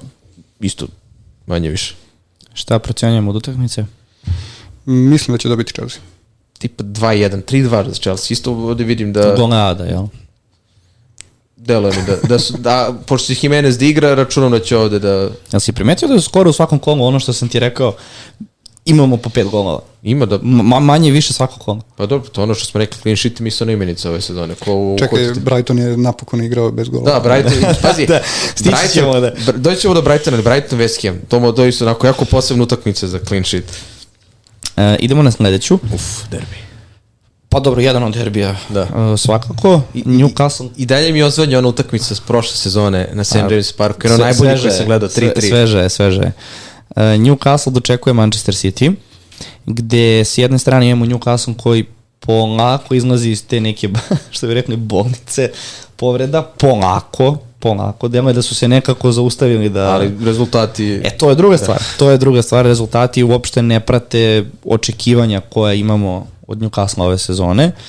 A, s druge strane, Manchester City, meni nekako deluje, oni šta god da urade, koliko god loše da odigraju neki period, eto, izvrtit će ti ono na, na, na drugom eventualnom mestu, Biće ako na ne na prvom. jedan, dva, tri boda od... jednom bodu, i mislim stvarno, ajde ok, pratim ih, ali nekako mi deluje da ako uđu u mašinu u ovom periodu, a očekivati je, ako poredimo prethodne sezone, da će to da klikne odjednom. Možda, ali opet nemaju, nemaju Gundogana više, nemaju Mareza. A, mislim da Guardiol im nije bio toliko potreban, imali su već, odnosno imaju dosta izbora na štoperskim pozicijama, a, malo izmišljaju tu sa tom igrom bez bekova, ajde, osim Walkera. A, ok, vratit će Walker se... nije klasičan bek. Pa, Mislim, Dobro, to mu je primarna pozicija, da može da pokrije kao tog desnog štopera. no, dobro, on je duplo brži od ostalih, pa Da, može da. da trpi da igra dve pozicije u, u isto vreme, ali upravo to. Guardiola Da. nije toliko brz i Walker tu je de, defanzivno jedan od najboljih bekova godinama i on je često tu krpio Da, da, da. sve što, što se moglo zgrešiti, on je zapravo tu i to je nešto što njega godinama održava naravno uz njegovu brzinu, on jedan od njegovih glavnih kvaliteta je zapravo njegova A defanzivna. on, on, on uopšte nije usporio. Mislim, meni Nije usporio, pa da, 34 godine. ako četiri se ne godine i dalje, mislim da može da, bez problema i Mbappéa i ostatak uh, drži u Pa sebi. makar da im parira. Da. Pa zatvarao je dosta brzih igrača, da. Uh, šta, šta ste da kažem za City, da. Koga tu možemo uopšte da, da izaberemo, zato što, ok, ne znamo da li će igrati Haaland i da igra pitanje koliko je spreman. Sa druge strane imamo to goruće pitanje šta sa Kevinom, da li se vraća, odnosno znamo da se vraća, ali kakav će to Kevin biti od starta, da li će dobijati po 10-15 minuta ili će već po, posle ove utakmice da igra punih 90, jer Ili ono 60-70 što može bude dovoljno. da, dve, tri asistencije. U svakom Pa, slučaju da utiče se na igru. Doku sad uh, u E, kupu. Upravo to. Da. Doku se vratio, pitanje je Doku Griliš, s druge strane Bernardo na drugom krilu, dakle svi kreću međusobno sada da se bore za te pozicije i opet dolazimo u situaciju kome je tu zasigurna minutaža da se stvarno možemo osloniti osim Rodrija. Uh, Calvin Phillips ide iz ekipe, to je definitivno, napustit će City u, Dobro, ovom prelaznom roku. Naravno, ali može uticati ako dođe zamena za njega na toj poziciji, može da dobije ozbiljnu minutažu, jer je Stones definitivno povređen ove sezone i ne može da uhvati ritam. I na kraju imamo po meni možda najinteresantniju opciju za sada, ako biramo nekoga iz City, to je Foden. Dakle, čovjek koji apsolutno se snašao na toj poziciji, preuzeo neku ulogu na sredini, odnosno to je neka polu sredina, polu napad kako oni igraju sa ta dva prednja, odnosno ako bi to bili Kevin i Foden uskoro. Mislim da tu možemo samo eventualno pričati o Fodenu kao nekoj sigurici u narednom I... periodu, ali ajde da vidim sa vama kako gledate na celu situaciju. Pa u suštini da, mislim da si u pravu, ali ajde, ne znam, krenuo bih od Halanda. Čak i ako se vrati ovo kolo, mislim da će biti na klupi i mislim da nema potrebe žuriti da se dovede. Dalje, De Bruyne, zašto bi ga sada dovodili? Jeste počeo da igra, ali takođe ulazi sa klupe polako dok uđe u formu, dok vidimo što ti kažeš da li je to stari De Bruyne, da li, ja verujem da, da hoće biti, ali opet treba sačekati. Uh, ovo kolo, rekli ste, jeste problematično, traje dve nedelje i slično, ali je isto tako dobro što ćemo dobiti dosta informacija uh, oko povreda, odnosno igrača koji se vraćaju iz povreda, oko kupova, ko će imati duplo kolo, ko neće imati duplo kolo i slično, tako da nema potrebe žuriti ni sa Haalandom ni sa De Bruyneom. Što se tiče ostalih igrača, Silva mislim da je možda jedan od najstandardnijih igrača u City-u i mislim da on jako teško može da izgubi mesto u timu, jer može da igra i desno, može da igra i u sredini, može da igra mate nešto hoće, ali opet ne donosi toliko bodova u fantaziju. Jeste zakucan, ali iz nekog drugog plana on zapravo. Tako je, tako je. Ume, umeo da... da, da tihi, tihi dirigent. Da, ono, ono što bih da. ja dodao, dakle, isto nisam za to da se Haaland tek tako uh, vrati u tim, naročito pred ovo kolo, jer eto, možda će biti spreman, dakle mi dalje nemamo potvrdu da će da igra, drugo, on mesec dana nije igrao futbol, bez obzira što on jeste kiborg, mašina, svakomu čast kako on igra futbol, ali ne verujem da nijedan profesionalni futbaler treba tek tako da se ubaci e, na teren posle povrede koje Posledno što imaš je... Alvareza da. kao sasvim, ali, sasvim solidnu opciju. Ali mene čudi da je on ove dve sezone toliko igrao. Kada pogledamo u Dortmundu u dve sezone, ajde da ne preterujem, ali po pola sezone, možda ne po pola, po trećinu sezone je propuštao. Tako da, da, imao je on već problema I, sa povredama. I, ja koliko sam razumeo, ova povreda stres fakture je upravo zapravo akumulacija tigra, kažemo, sitnih udaraca, ti mi ispravi ako grešim, koliko se razumeo, pa, nije klasična povreda on doživog prelom na neki jedan udarac, nego da se njemu akumulira taj broj udaraca u nekom delu tela, konkretno u stopolu i da se na taj način stvori uh, prelom, to je fraktura u stopolu. Vidi, sve ima svoje, on, ako ćemo pogledati, da se nadoveže na to što si rekao, On je u Dortmundu imao ozbiljne periode koje propusti. I opet na kraju ima fantastičan da, da, da. učinak i golove. Ali on prošlu sezonu u City-u nije imao takav moment. Tako je. Ima možda par da utakmica, ali, ali je, ovo je najduže što on odsto. Svako došao. ima toliko da. utakmica. Mislim, prosto umor, da. neka porodična situacija može da te poremeti jednu, dve da. utakmice, kamoli da imaš u da. premier ligi da. neki kontakt malo, ono, ono, što, mobil nešto. Ono što bih ja istakao, dakle, dva najkonstantnije igrača i u posljednje vreme i generalno ove sezone u City-u su Foden i Alvarez. Dakle, u posljednje vreme obojica donose poene, konkretno, baš pričamo o fantaziju, a, i obojica imaju skoro zagarantovane minute. Foden nije počeo samo na utakmici kada je gostovao Sheffieldu jer imao problema sa stomakom. Dakle, ovo je ona sezona da je Foden konačno svoje mesto zacementirao. Dakle, godinama je bio onaj tip igrača koji za kojeg ne znaš kada će igrati, kada neće igrati, koji je bio u ozbiljnom riziku Pep Ruleta, a Alvarez isto neko koji je prošle sezone bio prava alternativa Haalandu, a sada on postao manje više neizostani član prve postave, čak i kad je Kalan tu, dakle nije on profitirao na minutima zbog... On je profitirao zbog De Bruyne. Da, e sad je to pitanje, uh, kada De Bruyne bude 100% spreman da zaigra, jedan od te trojice, uključujući i Bernarda, verovatno će ili biti na klupi, jer ne verujem da će Griliš i Doku bojica biti na klupi. Ja sam ubeđen da će uvek neko njih dvojice biti u toj formaciji, ali svakako moramo ispratiti da vidimo ko će tu najviše bude ugrožen De Bruyne minutima. To je jedino. Sa, sa tim što sam ubeđen da sad za, protiv Newcastle De Bruyne neće biti starter i da sigurno u narednom periodu neće moći da akumulira toliko minutažu, plus Manchester City uslede utakmicu u Ligi šampiona, koju isto vratno smatraju mnogo bitnijim. Ja verujem da je tu isto važno Pepo da ima zdravog De Bruyne za te utakmice. Dobro, okej. Okay. Lak, mislim, da. lak protivnik. Ne postoji lak protivnik, ali lakši protivnik nego koji je mogao da bude da. Ligi šampiona, sigurno će nešto uticati na možda izmešan sastav još u ovom narednom periodu. Ali uh, ono što bih ja rekao je da deluje mi, dolazimo u deo sezone Bernardo Silva će 90% tići iz kluba sledeće sezone. Da, to je bila priča da i sad trebalo da ode, pa je Griliš u autobusu zamolio da, dosta. Dakle, on je produžio ugovor ali sa ubačenom otkupnom klauzulom. Samo iz razloga da bi sledeće leto, ok, znali kolika je cena za njega, City će definitivno zaraditi tačnu sumu koju su, koju su dogovorili, to će verovatno biti da li Barcelona, da li neka slična ekipa, i ne verujem da, da će Bernardo ostati toliko, na kažem neki starter i sigurna opcija do kraja sezone, posebno gde Guardiola zna da ga ne može računati od sledeće sezone. Gundogan je druga situacija. Znalo se da će biti problema oko ugovora, ali su očekivali da će ostati. Za Mareza nisu ni slutili da će otići City. I ostali su do kraja sezone apsolutni starteri, najbitni igrači. Mislim da će polako doći momena da ćemo videti situaciju da Bernardo ostaje na klupi i da Griliš i Doku, Doku kao desno krilo, preuzima to, tako mi nekako deluje, uh, što može da se desi posebno ako Kevin opet uhvati formu, ali i dalje Foden kao jedina prava opcija po meni koja može da pokrije Kevinove bodove čak. Posebno u ovom periodu dok Kevin uhvati zalet, ali sve dalje od toga prognozirati mislim da Pa, suludo je. Jer, Mislim, mislim da će Alvarez najviše patiti u suštini tu ovaj, za minute. Tako je, ima Haalanda koji se vraća, ima Kevina Tako pozadi koji opet ulazi sad. Mada opet, ne znam, eto, Pep kako... kako Igraćemo levog beka, da. umesto Pa ne Guardiola. znam, Počne ne bi me Oscar, Bob uh, i Da. Hamilton. Ne bi me Oscar čudilo da, Bob- da samo stavi na klupu Fodena odjednom, eto, da. sećam se prethodnih sezona kada sam bio uveren da će neki igrač igrati I onda tri meča samo nizu odjednom, da. A Dobro, odbrana, ajmo- odbrana Manchester City-a, njih, uh, jedan klišit na 10 posljednjih utakmica. Idemo isto, dalje. Pa i to, i, to i malo dalje. su skuplji i rotiraju ih i tako. Tako, Da. nije to odbran od prošle e. sezone, potpuno drugačija formacija. Mislim, nisu ni prošle sezone bili bog zna šta sigurni kada je u pitanju clean sheet, ali naravno sada... A Kanji, Ligra donosili ne igra. bodove. E, Vidim da je... Pa i dalje je to klackalica, ali mislim da nema potrebe opet sa njim da rizikuje.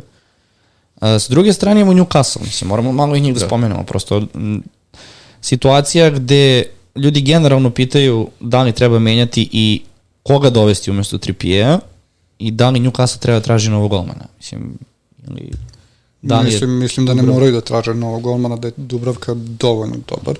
Mislim, da nije, nije. Dubravka kriv, niti Tako je. je golmanska pozicija nešto što je njih dovelo u ovu situaciju da Newcastle ima pet poraza na posljednjih šest utakmica. Dakle, ozbiljan kanal u kojem se nalaze. Pa Trippier je imao baš Da. dve opasne greške protiv Evertona. Da je Trippier, E, Trippier isto ima neke neobjašnjive greške, pad u formi, povuko se iz engleske reprezentacije na okupljanju, pa je imao na kraju i problema sa povredom. Bar javno smo, smo dobili informaciju da ima problema sa povredom, ali evo vratio se sad u kupu, to jest uh, mislim da je igrao uh, da li je igrao protiv Liverpoola, nisam siguran, ali znam da je igrao u kupu sad uh, za Newcastle, ali trenutno takva situacija da ako gledamo nekog iz Newcastle da je takav period sezone da odbrana ipak uh, nije trenutno nešto što može nam ponudi poene i da je sav fokus na dvojici igrača Gordonu Isaku kao nekome koje su manje više donosili poene u vreme sa tim ono, zvezdicom da je Isak sklon povredama, a da ni Gordon nije neko ko je 100% uvek zdrav.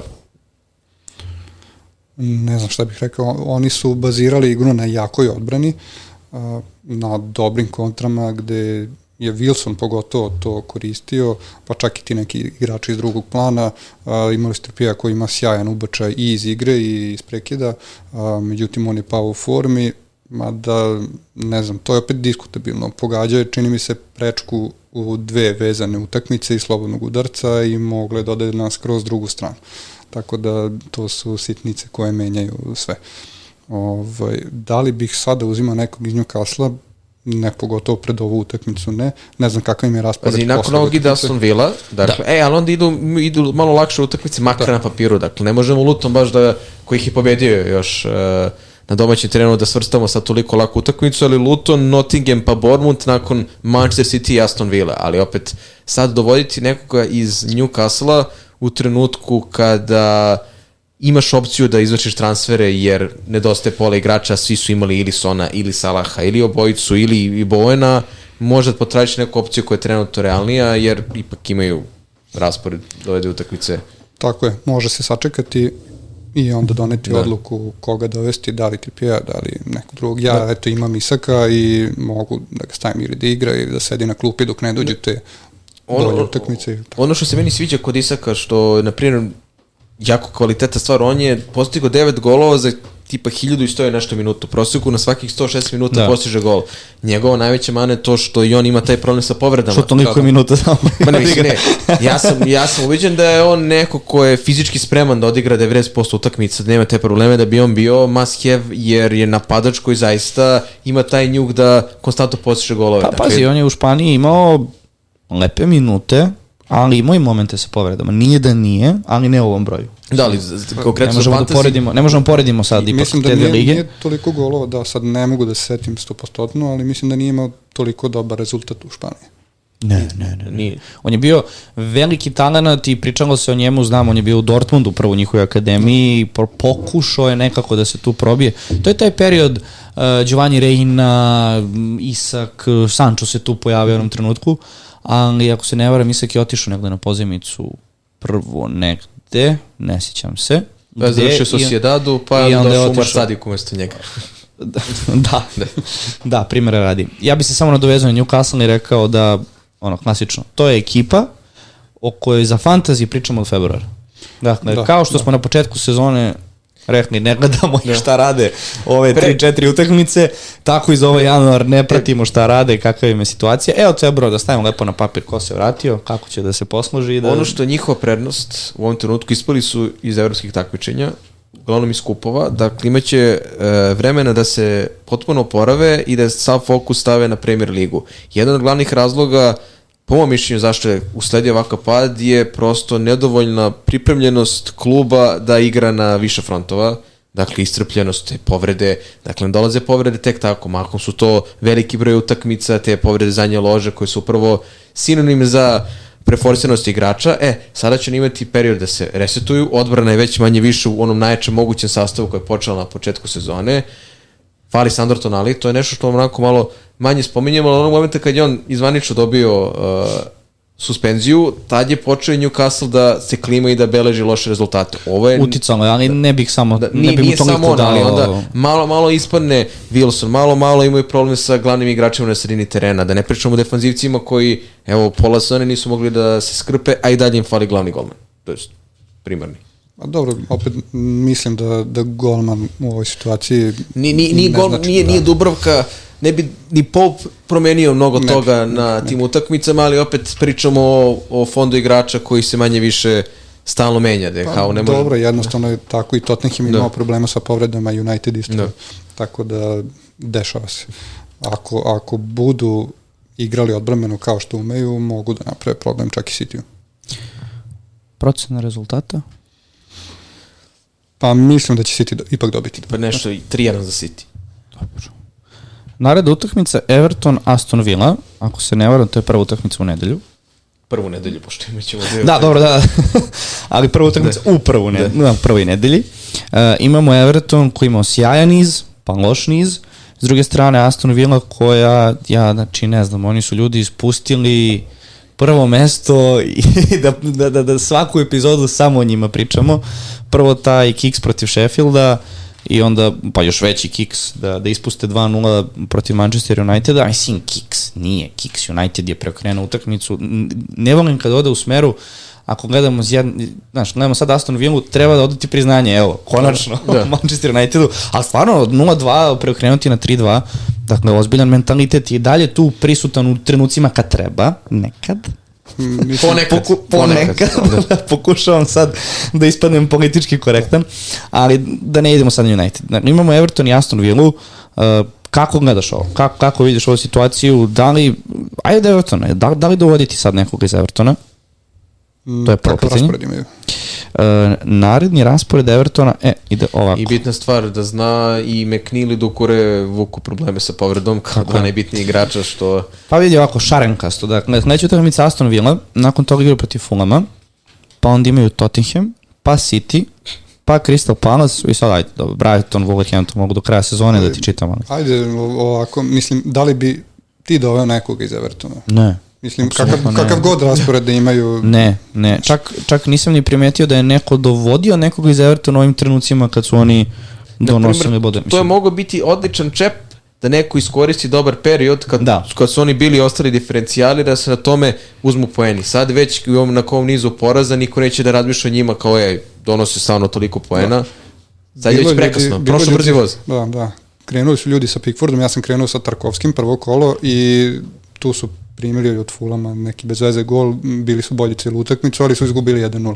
Odmah sam ga prodao i ispostavilo se kao dobra odluka, jer nisu uspeli da vežu uopšte ni jedan clean sheet, da bi onda u jednom momentu sačuvali četiri, Četiri puta. ni, da četiri pobjede u nizu, četiri clean sheeta u nizu. I to je ono, imao si i Mikolenkove odlične utakmici sa ofanzivnim učinkom, Pickford, Tarkovski, ali sad zamislite da neko video četiri dobre utakmice, doveo Tarkovskog i Pickforda i evo tri meča u nizu gube i primaju golove. To je taj, da, kažemo, faktor da na vreme nešto da se odreaguje. Ako je neko planirao da dovodi futbolere Evertona, mislim da je prekasno da se ulovi on, onaj momentum koji su oni imali. Vidi, ja ne mislim da će oni biti loši, ja mislim da će ovde biti nerešeno. A, Opa. Prije svega mislim da ne može baš svaki favorit da dobije.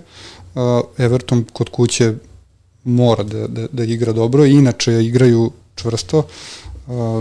Samo- kao, kao nekog pojedinca da izdvojim ne mogu, ali kao tim solidni su. Da. Da, sa tim što ako ne bude ime Knila i do Korea, to je ozbiljan udarac za Everton koji nema A i toliko nekako su igrači, ako bi, da, da, da, da, su kako spremni, bi birao- baš bi njih da, birao. Da, jer on calvert je poništen crveni karton, on će igrati, ali to ono, calvert već dve godine nije igrač ko Da, da, da. je ono, sinonim za povrede, a ostatak tima, naročito vezni red, nije nešto što nama bilo šta za fantasy Apsolutno. deluje kao da je Pa dobro, ajmo onda da se prebacimo na drugu ekipu. Tu su već, pa, slatke muke mogu reći. Aston Villa, evo odmah da vam pročitam raspored.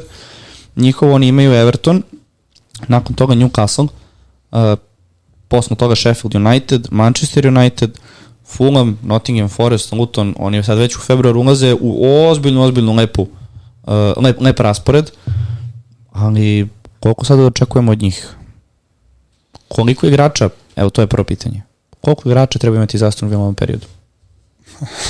Watkins plus, Ne znam, ja nisam... 0-1-2. ja sam imao, imao sam Watkinsa i imao sam Martineza, ovaj, dok je većina ljudi uzimala keša, eventualno Dinja, a, koji u tom nekom periodu nisu donosili bodove, prodavali su ih ljudi da bi onda, jel da, protiv Arsenala i, i City-a doneli. Mm, Ne znam, ne vidim ih kao ekipu koja može tek tako da sačuva mrežu, a, mogu da pobeđuju i da jednostavno igraju na gol više. A, zašto primaju golove? Zato što igraju visoku odbranu. I naprave odlične offside zam- zamke, ali jednostavno jednom Jači timovi to lako iskoriste. Da.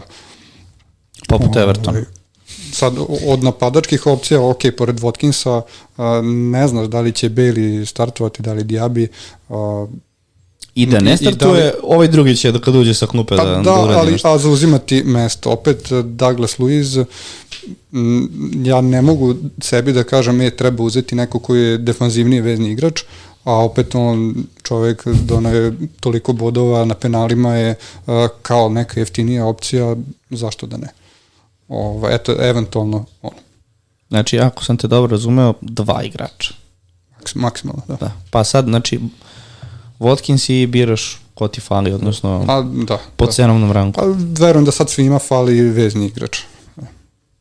Ja sam u nekoj nezgodnoj situaciji, sad pričam uh, iz ugla mog tima, nisam uspeo da se otarasim zbog brojnih povreda igrača, neplaniranih transfera, ni Keša, ni Diabija i tako sam ostao sa njih dvojicom i sa Watkinsom. Neko sam ko ima svu trojicu i, na primjer, Diabija je donao poene u prošlom kolu, gde ono, ja sam već digao ruke u njega, bio sam spreman da ga prodam, ali malo, malo nešto bitno mi uskoči, pa on završi na klup ili nekako mi bude starter.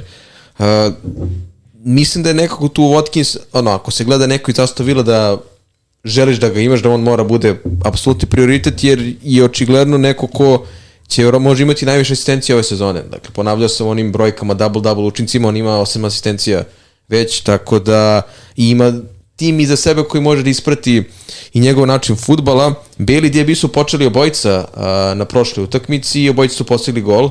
U slučaju da ne bude Tilemansa, ne bi me čudilo da obojica započnu a, ponovo utakmicu, gde i i Bailey i Diaby mogu da donesu poene. To je sad ona, ono razmišljanje da li Bailey ili Diaby, može u ovom trenutku mogu i obojice da budu korektni za fantasy, ali ne da imaš i Bailey i Diaby, nego već jednog, jer mislim da je previše da držiš dvojicu a, veznjaka. Što se tiče odbrane, ne znam da li si obratio pažnju sada u kupu golove. Pedro Poro, Mati Cash, I to- Diogo, i to Diogo, kakav gol? da, Diogo Dalo, dakle sve su bekovi postizali golove.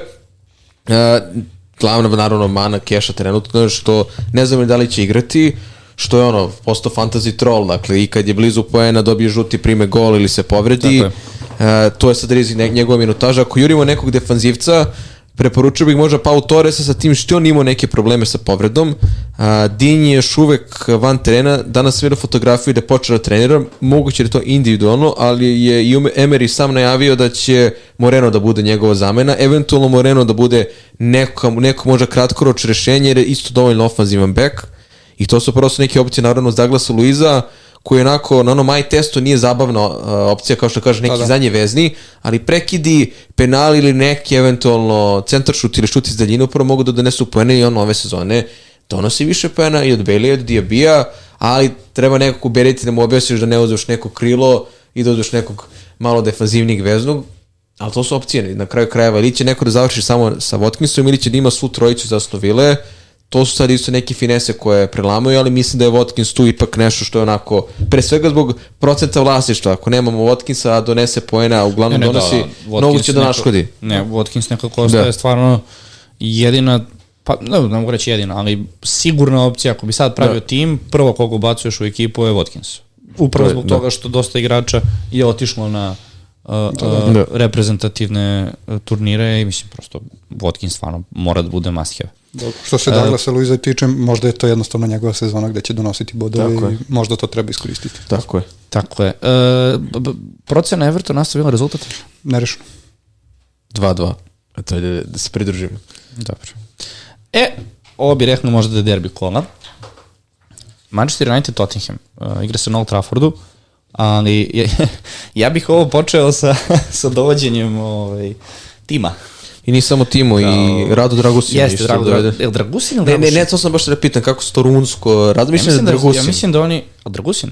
Meni neko Dragu, mislim da imaju. Rado, nema ko ostane na radu, pa će neko... Rado, da. Imamo lingviste među uh, našim igračima, znam da su se javljali da nas ispravljaju kako se šta izgovara i piše, pa eto, da nam Slažem se, ali mislim da će sva svetla biti, biti uperena u, Tima Wernera. u Tima Wernera i njegove pogotke, tačnije, ako to... Mislim- Evo, Navi, navi, za, navi za Chelsea, pa da znate. Prostraumatski sindrom, evo ga ovdje Dobro iza je rekao kamere. za Arsenal. E, u suštini da, da počnemo od Tima Wernera kao jedno pojačanje Tottenhamu koje je od šest meseci, dakle zapravo je pozemica, do kraja sezone u situaciji gde Tottenham je pored Madisona koji će se vratiti tek od februara, vrlo verovatno. Verovatno 22. kola, postoji opcija da... Verovatno, verovatno. Pored toga, ovo je sada situacija gde je i Son pustio Tottenham da igra sa Južnom Korejom. Situacija gde Tottenham sada mora da nađe... Mnogo, još jedna bitna stvar, nema ni Sara ni Bisum.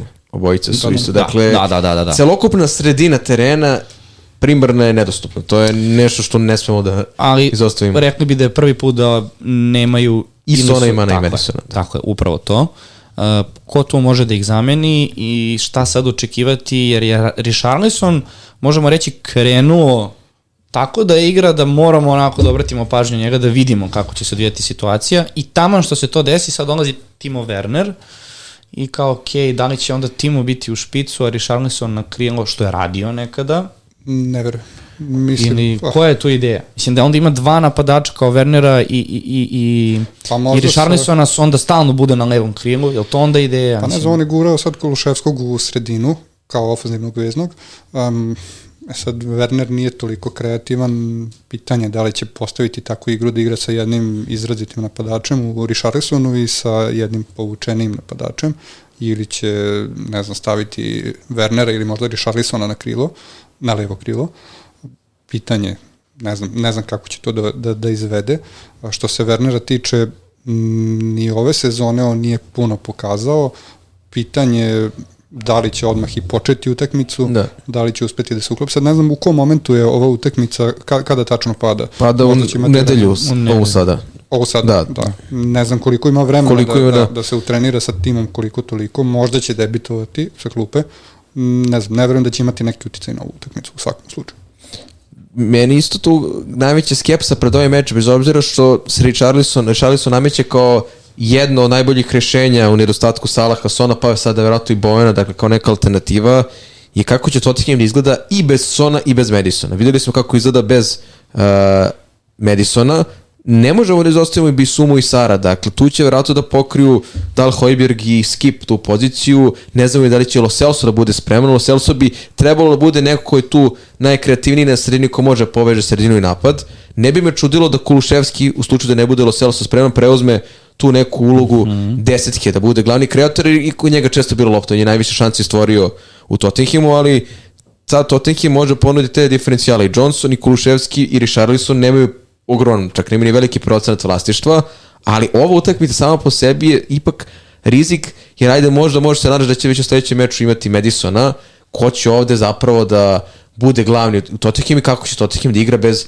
zapravo pola tima. Ovo je zaista onako jako neprijatna situacija. Kakav god da je Manchester United, ipak je ovo ozbiljno gostovanje. Tako je. Tako da možda mali rizik sa sobom nosi dovlačenje, to je ubacivanje Richarlisona odmah u tim, ali ne mora da znači da Tottenham neće pronaći, to je da posle kog neće naći neko idealno rešenje. I dalje kad bi me neko pitao ko mi je primarna opcija s Tottenhama, ipak bi izabrao Pedra Pora. A dobro, to nekako Jer, na primjer, možda on ovde može dodato više da se ofanzivno uh, uključi igru da bi pomogao u kreaciji, spajanju uh, sredine i napada.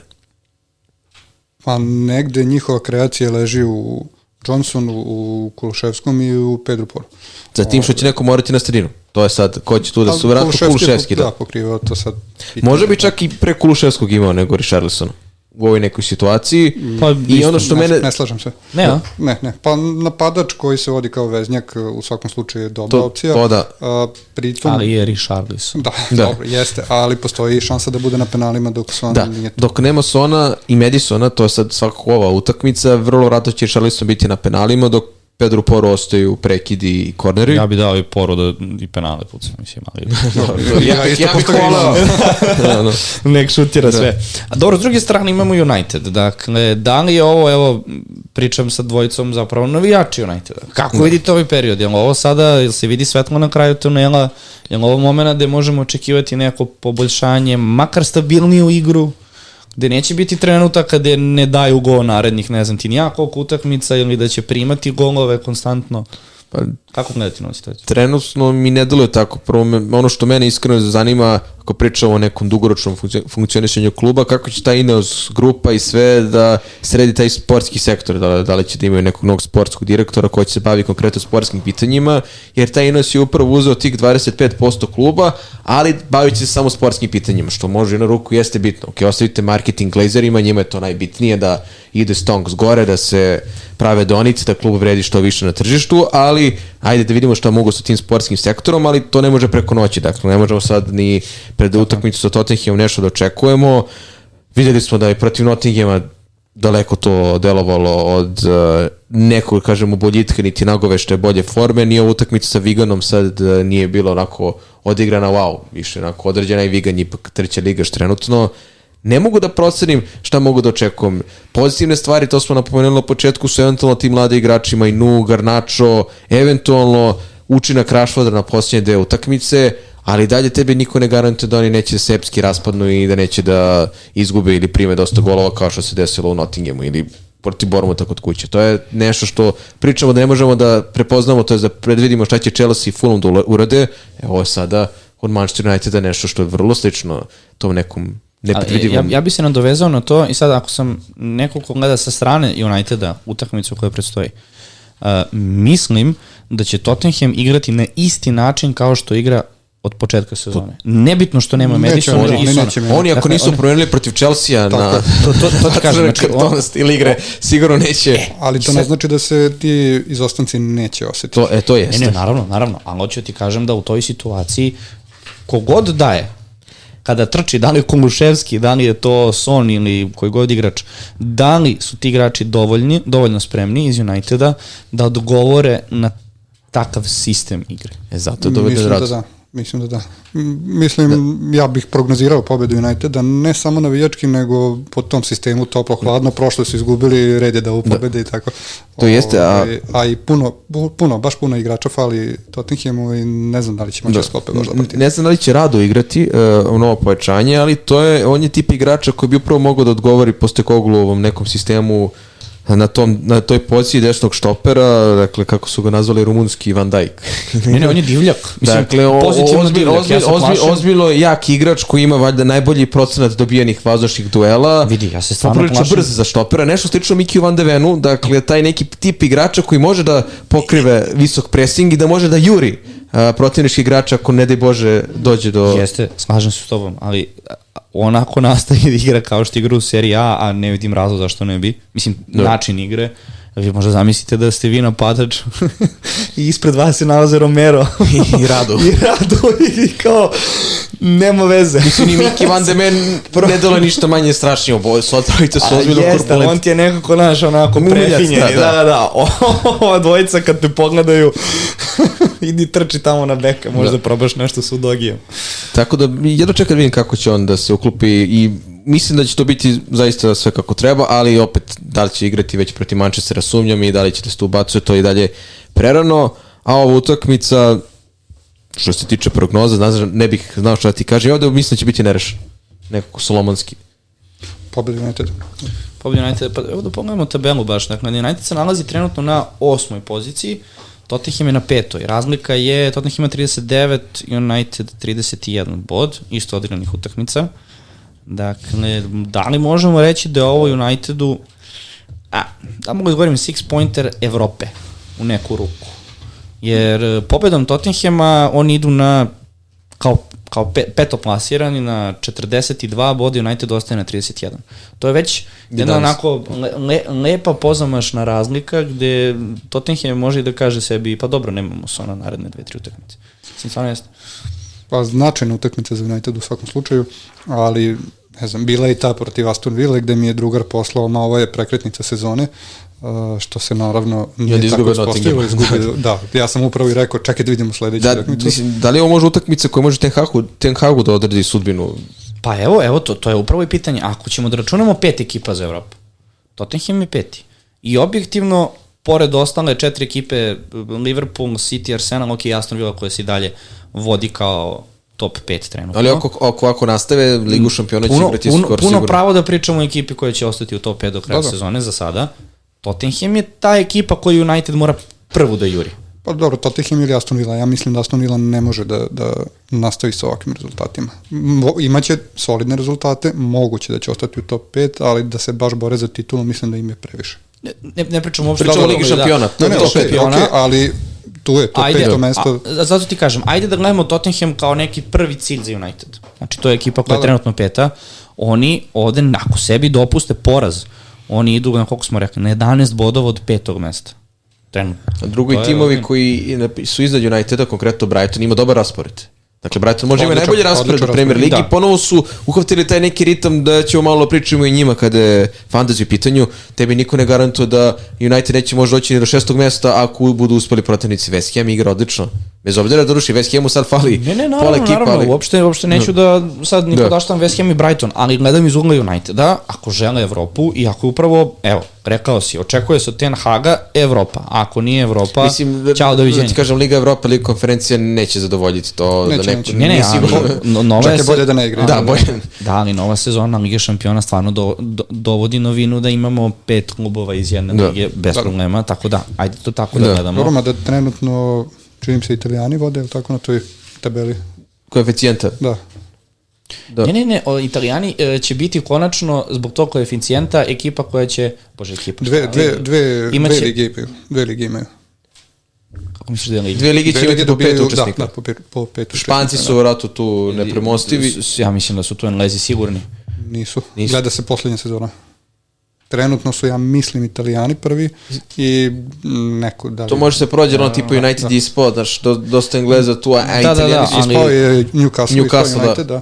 Ali opet imaju dobre timove u Ligi Evrope. Da, Liverpool koji će Ligi ići do, do kraja. Da. Pa Liverpool, West Ham i Aston Villa, da. sasvim dobri timovi u slabim A, a, na takmičenjima. primjer, prošle da godine si imao tri italijanska tima u tri finala. Ne, ne, naravno, okej, ali vidiš, nisam, nisam obratio pažnju da su italijani zbog toga visoko kotirani sad. I mislim da se gledao duži period, ali ne, mi moramo definitivno da, da obradimo Da. taj znam, novi format i da snimimo jedno. Vidjet ćemo, to je neka... Ja znam da su italijani zbog ovoga sada dobili još jednu ekipu više zagarantovanu u Ligi šampiona. To znam da sam video negde, jer su italijani imali uh, tri ekipe, nisu imali četiri ako se ne varam. Mislim da su imali četiri. Imao si prošle Imali su, sezone, imali su četiri, italijani su uvijek imali Ko- četiri. Ko je bio prošle sezone? U, od, znači bio je Inter, Bio je Milan, bio je Napoli Lazio. i Lazio, verovatno. Jeste Lazio. Lazio. Lazio, Feynor, Atletico. Jeste. A, Jest, jest, jest. Onda, onda je možda za Ligu, Ligu Evrope, ne znam. Ajde, ovo moramo da, Da. ost- ostajemo dužni ljudima da, Da. da, da, što više ulazimo u ovo, uh, da, moramo, moramo to da, da, da lepo prođemo jednom, da dovedemo nekoga da nam objasni sve to i da, da, da zatvorimo tu temu. Ali, Jelem, ok, uh, tvoje pitanje mi se svidalo, da li ovde poraz Uniteda može biti šut karta za Ten Haga? Pa može, ja sam čak i očekivao i ranije posle nekih poraza, pa se ispostavilo da nije Ja sam dobio mislio, na primjer, posle Bormuta da će dobije šut kartu, jer ono, baš 0-3 protiv Ne, Bormuta je neka kapisla da može da mu kaže, druže, završili smo, pa su onda usledili i ono, neki preokret protiv Aston Villa, onda te ponovo dočekao Nottingham, sad već ulaziš u, u period sezone gde nemaš ni vremena za popravni, niti utakmice gde može baciš i da razmišljaš o tome.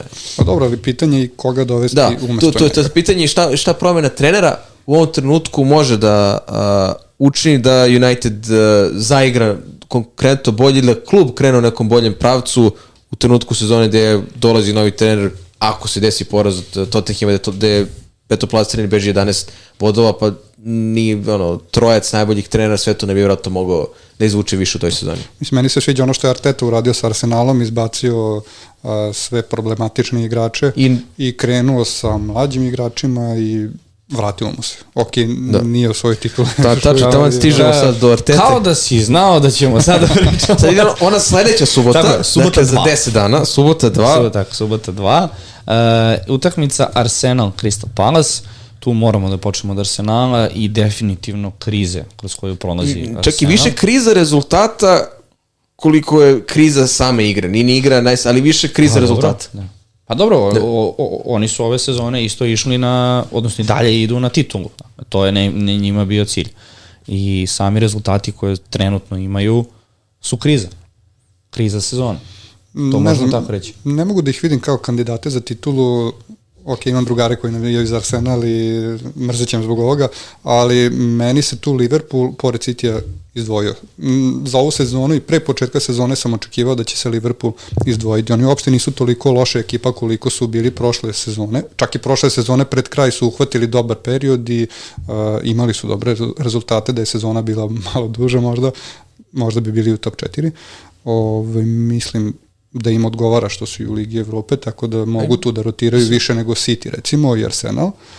Uh, pojačali su se na sredini, malo ih sad ovaj period uh, ubija jer nema Salaha, da li će se snaći bez njega, ćemo. Savladali su sad Arsenal u FA Cupu tako je. bez Salaha. Ali da, sad nema ni. Ali ona utakmica, dakle, prvo polovreme je s jedne strane, onda Liverpool koji kreće da apsolutno dominira sa druge. Čim, Je još, još jedan niz utakmica, dakle, ono, ozbiljno se sad i po forumima generalno pokreće tema novog napadača Arsenala. Dakle, to je kad imaš Jezusa u ekipi, to se, to se naplati dakle, u jednom o- trenutku, samo je pitanje kada, veruj mi. svima jasno da, Je- da Jesus isto nije tip prvo napadača koji može da ti spakuje 25 golova u sezoni, ali ono što je još bitnije nije tip napadača, to je igrača koji ti garantuje da će biti zdrav 75% sezone. Da Dobro, oni su njega koristili ne kao klasičnog napadača, nego da malo širi igru, da proigrava Martinellija pre svega, Jeste. pomalo i Saku. Ove, I to je prolazilo dok ih možda nisu malo pročitali. Sad, e sad baš ovako, bukvalno tim plače za napadačan koji je onako klasičan goal getter. Naravno tu se spomenje Vlahović, čak je bila priča da je Mitrović dobio ponudu engleskog velikana i onda kada povežemo igru u Londonu, igru u Fulhamu, u kojem velikanu baš iz, izrazito fali napadač, da li je to Arsenal. A vidjet ćemo da li će dovesti nekog, ali nekako Artetine izjave ne deluju baš kao da će Arsenal juriti nekog napadača.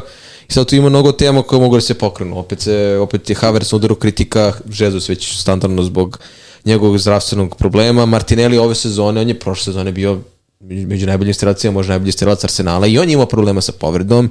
Onda Saka koji dolazi do tog trenutka da je pre, pre, preforsiran, dakle on je neko ko igra svaku utakmicu i on je Tako je. u onom prethodnom delu sezone, to je novembru, oktobru, znaš sam da je ono ima utakmice da je iz- izlazio ranije zbog povrede pa se vratio igru 90 minuta, dakle mnogo toga tu u tom ofanzivnom delu nešto ima, jer Teta je isto malo promenio taj sistem igre s dovođenjem Rajsa i Kaverca, gde se nekako više oslanja na te duele, kako bi rekli englezi na sredini terena i onda su napravilo poređenje između njega i Guardiole, gde, na primjer, pošto Arteta je jedan od njegovih učenika, šta je ono što Guardiola voli, a to što, na primjer, Arteta drugačije forsira, Guardiola ima igrače koji su taktički toliko potkovani da oni mogu da izbjegnu svaki duel, dok je Arteta očigledno doveo futbolere koji vole duel, koje, koji će prosto tako da gradi igru i očigledno da ove sezone su udarili taj neki zid da, kao što kaže Stefan, su i malo pročitani, a i konačno dolazi do izražaja da ne može neki tim na tako vrhunskom nivou da igra bez napadača. Možda može Liverpool, možda može neki takav tip uh, klubova, ali opet Liverpool ima dovoljno vrhunskih igrača, pre svega Salaha koji ti manje više svake sezone spakuje 20 i više golova, ali evo vidi si Jest. kako je City uzeo tripletu. Doveli su napadača kojeg su zamenili, koji je bio prethodno Žezusa, dakle, otaresili su se Žezusa, doveli su Haalanda i nisu osvojili sve prošle sezone. Dakle, očigledno da Arsenalu fali napadač, uz to ne mogu da kažem neki povreda Timbera nije izbacila, da i tu fali Tomaš Sparti u toj nekoj ofenzivnoj Jest, tranziciji, dakle, se. ali udarili su zid. Tu bih ti ja dodao samo jednu stvar, dakle, ako poredimo već City Arsenal, odnosno Artetu i Guardiolu, a, možeš primetiti da je Guardiola svake sezone menjao i igrače, neke- ne previše, menja igrače, ali ono što je bitnije, menjao je formaciju i način igre. Dakle, on je upravo kada je doveo Haalanda potpuno promenio formaciju i posvetio je isključivo jednom napadaču.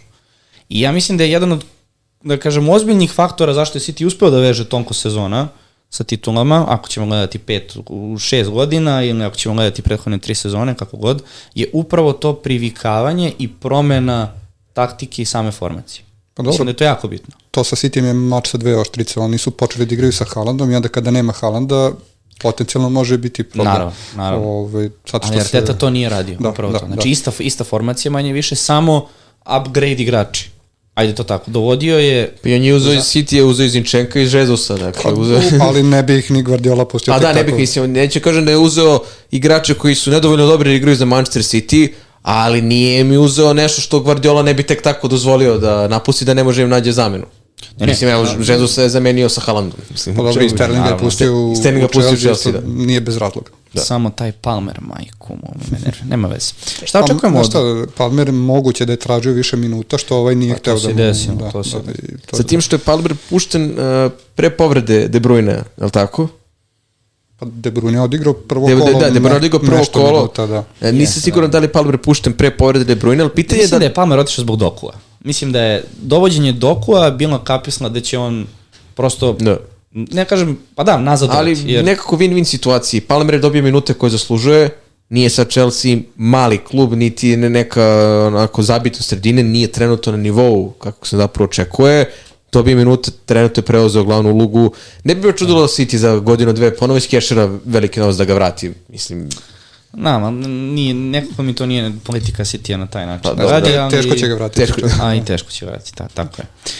E, procena Arsenal Crystal Palace, rezultat? Mislim da Arsenal mora dobiti napokon. ja ovde očekujem isto pobedu Arsenala i baš onako kontradiktorno onome što smo pričali, Saka se ponovo nameće kao jedna od glavnih opcija za kapitena. Pa nema tako ko. Kola, nema ko. Dakle, Pa Da, nema ali- ko, to ali- je suština. Dobro si rekao, uh, jako se forsira Saka.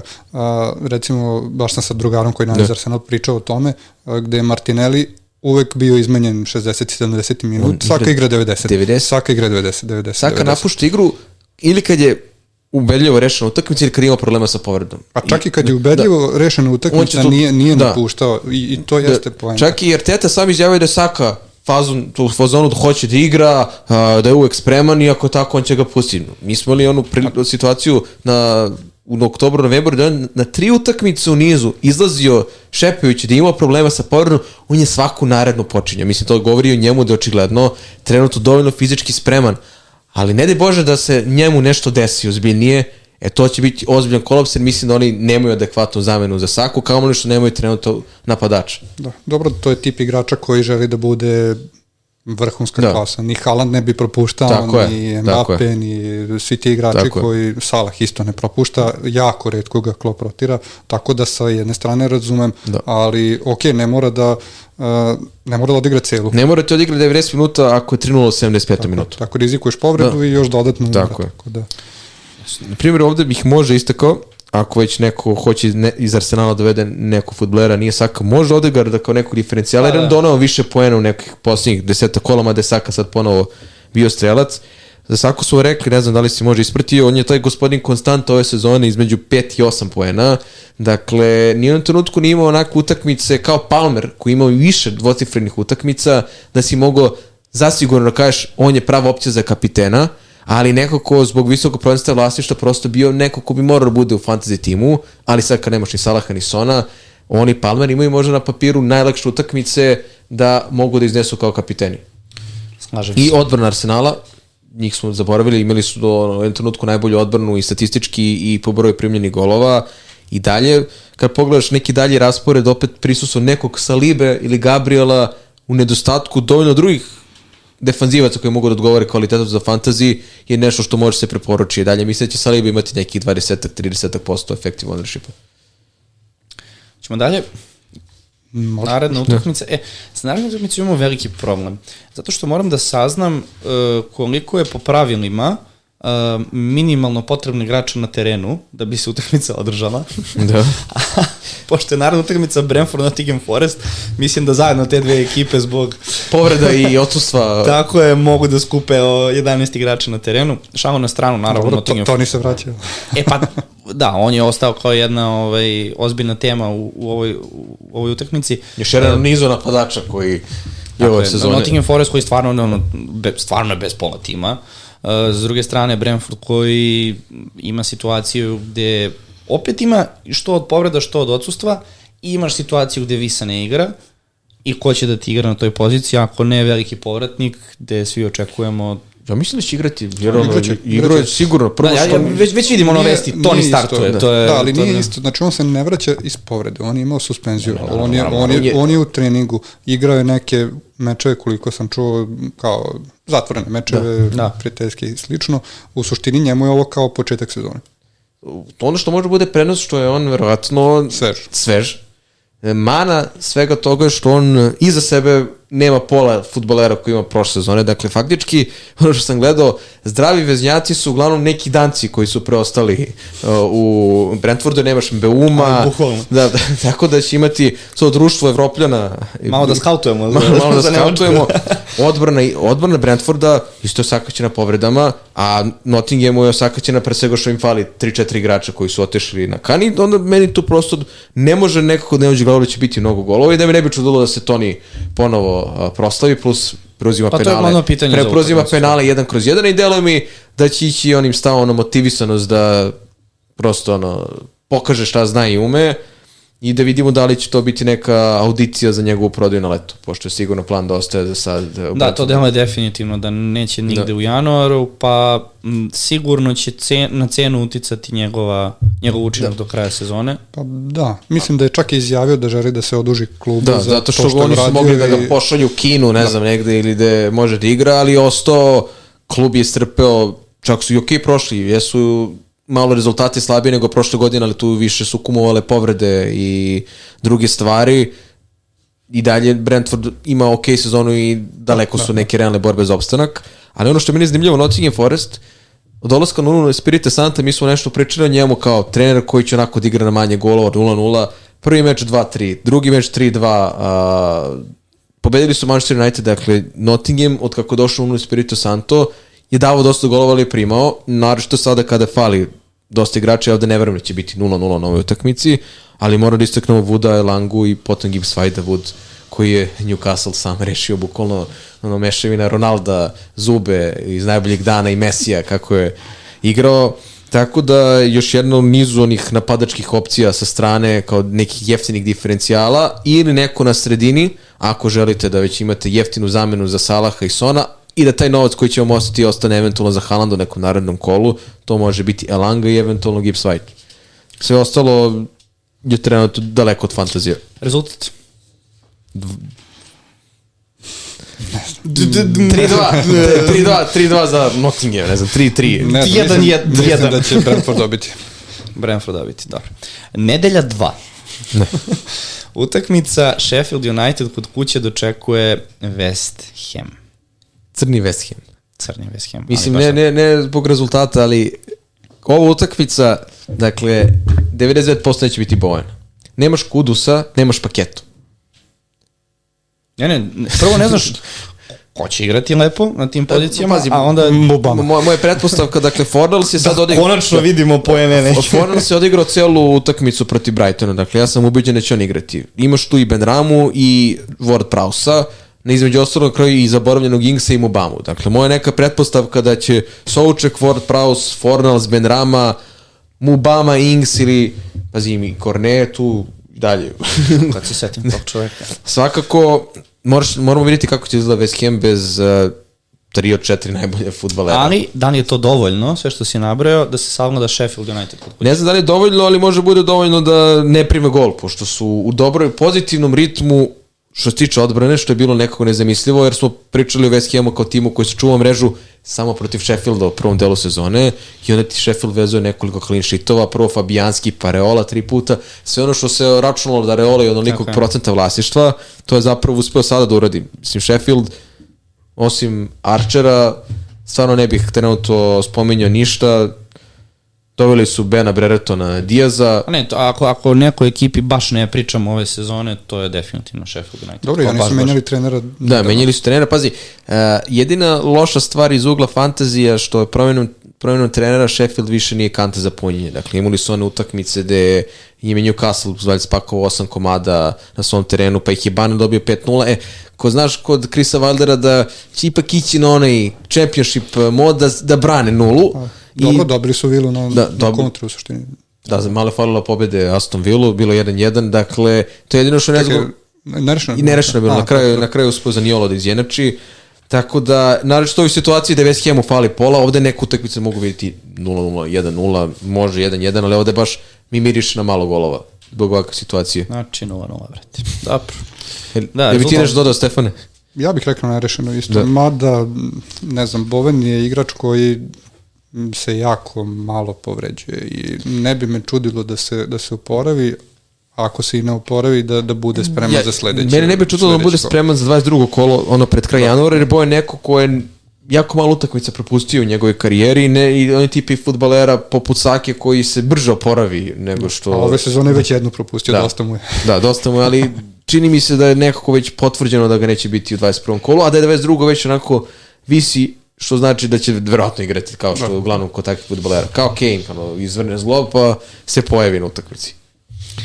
Bože, kako mi nedostaje taj čovjek u Premier Ligi. Da, Definitivno. Da. zavisi kog ugla, ali da. Će, svakako...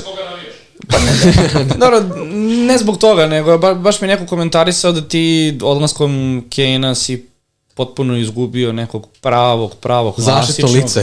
pa da, da, da, klasično, klasično devetko. Čak ljudi ne, ne vode ni Haalanda kao neku onu staru, staru devetku kako smo nekada poznavali, nego je više neki na Dobro, mada je steroidima. Kane, Pa ne znam, da- Kane mada- dosta mada je vraćao. Kane daleko od klasične devetke, on je ono, sa Sonom napravio tako partnerstvo i jedan od redkih tih rogobatnih napadača koji izdolazio do svoje polovine da Pa dobro, ali ima odličan, on- odličan pas. odličan padač. Kane Sve su to super stvari, samo, dobro, nećemo, koristimo Vuda kao primjer. Da, da, da, dobro. Ali Ed Kane je bio taj nekako Da. da. koga, koga bi gledali, ili tako?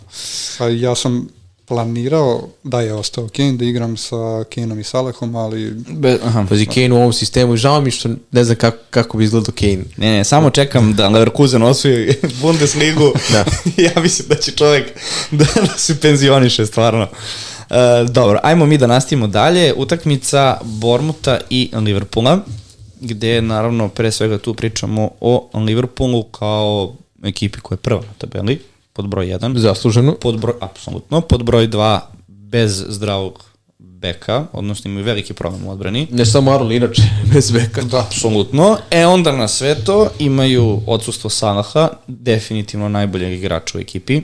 I koliko Darwin i ekipa, dakle Gakpo, Diaz i eventualno Žota koji možda deluje najsigurnija opcija da će nešto zapravo uraditi Mislim, u napadu, mogu da urade. I Žota izlazi iz povrede, Jeste. Pa dobro, ali igra ali- već po, po pola Pa sata. pazi, odigrao, odigrao je tipa ukupno na one proslednje dve utakmice 6 i 26 minuta i imao je gol i dve asistencije. To ti Dakle, kažem. ono učinak... Večeras imaju utakmicu.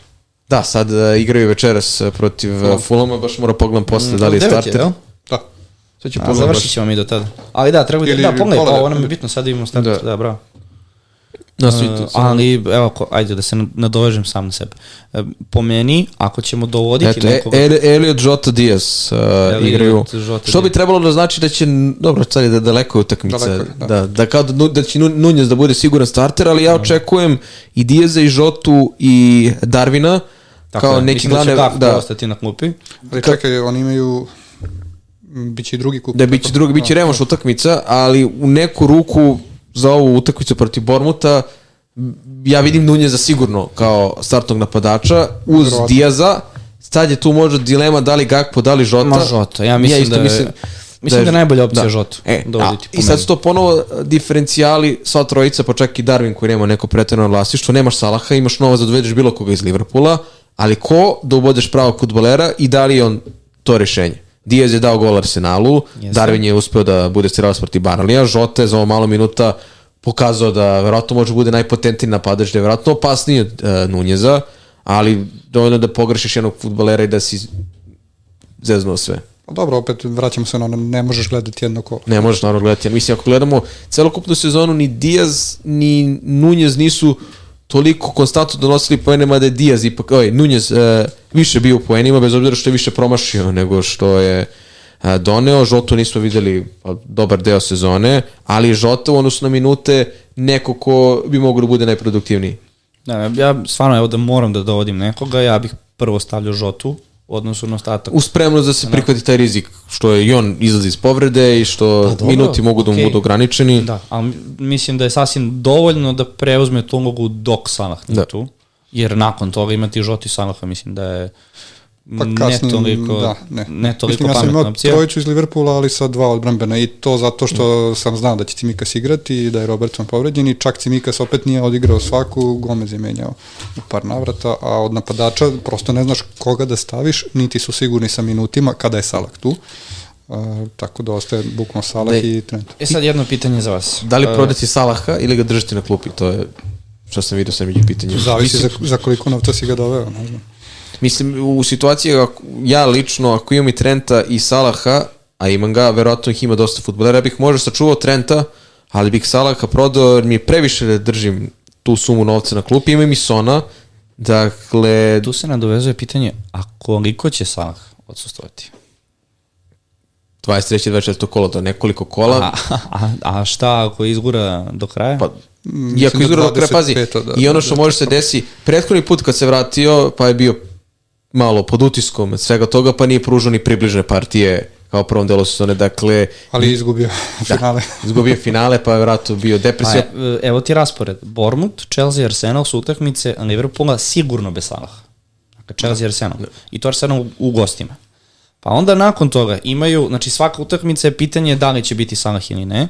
Ajde da gledamo tri naredne. Sad ja nisam siguran kad se tačno završava kup ako, ako ide do finala. Nek 13. 14. februara, tako 13. februara je to završetak. Znači da gledamo naredne dve utakmice. Rekao, sada, sada zavisi uh, od praznih i duplih kola. Po, tako da ako oni prođu u finale kupa, To mislim jeste. da 26. kolo im je prazno, Da, a 25. je 20 duplo kolo. Da, 25 to, to sam baš objavio, tako da... I sad zamisli tu situaciju, nemaš Salaha, dovodiš I dođe ga, duplo kolo. Da, dođe duplo kolo, gde bi u toj situaciji Liverpool imao Brentford i Luton, što je kvalitetno duplo kolo da si ima i onda ga dovedeš i napuniš se Liverpoolovim futbolerima, a onda on imam prazno i 26. i 29. kolo, ako Liverpool prođe u četvrt finala FA Kupa. To su sad neke onako finese kojima treba razmišljati. Znači, ajde da se zadržimo onda samo na naredne tri utakmice za Liverpool. Dobro. Moje glavno pitanje. Bournemouth u gostima, Chelsea kod kuće, Arsenal u gostima. Da li je ovo trenutak gde Liverpool mora da održi ritam, gde mora da uzme najviše bodova, da li sme da dopusti da kiksne i izgubi, na primer, četiri boda iz naredne tri utakmice i šta to znači za samu tabelu.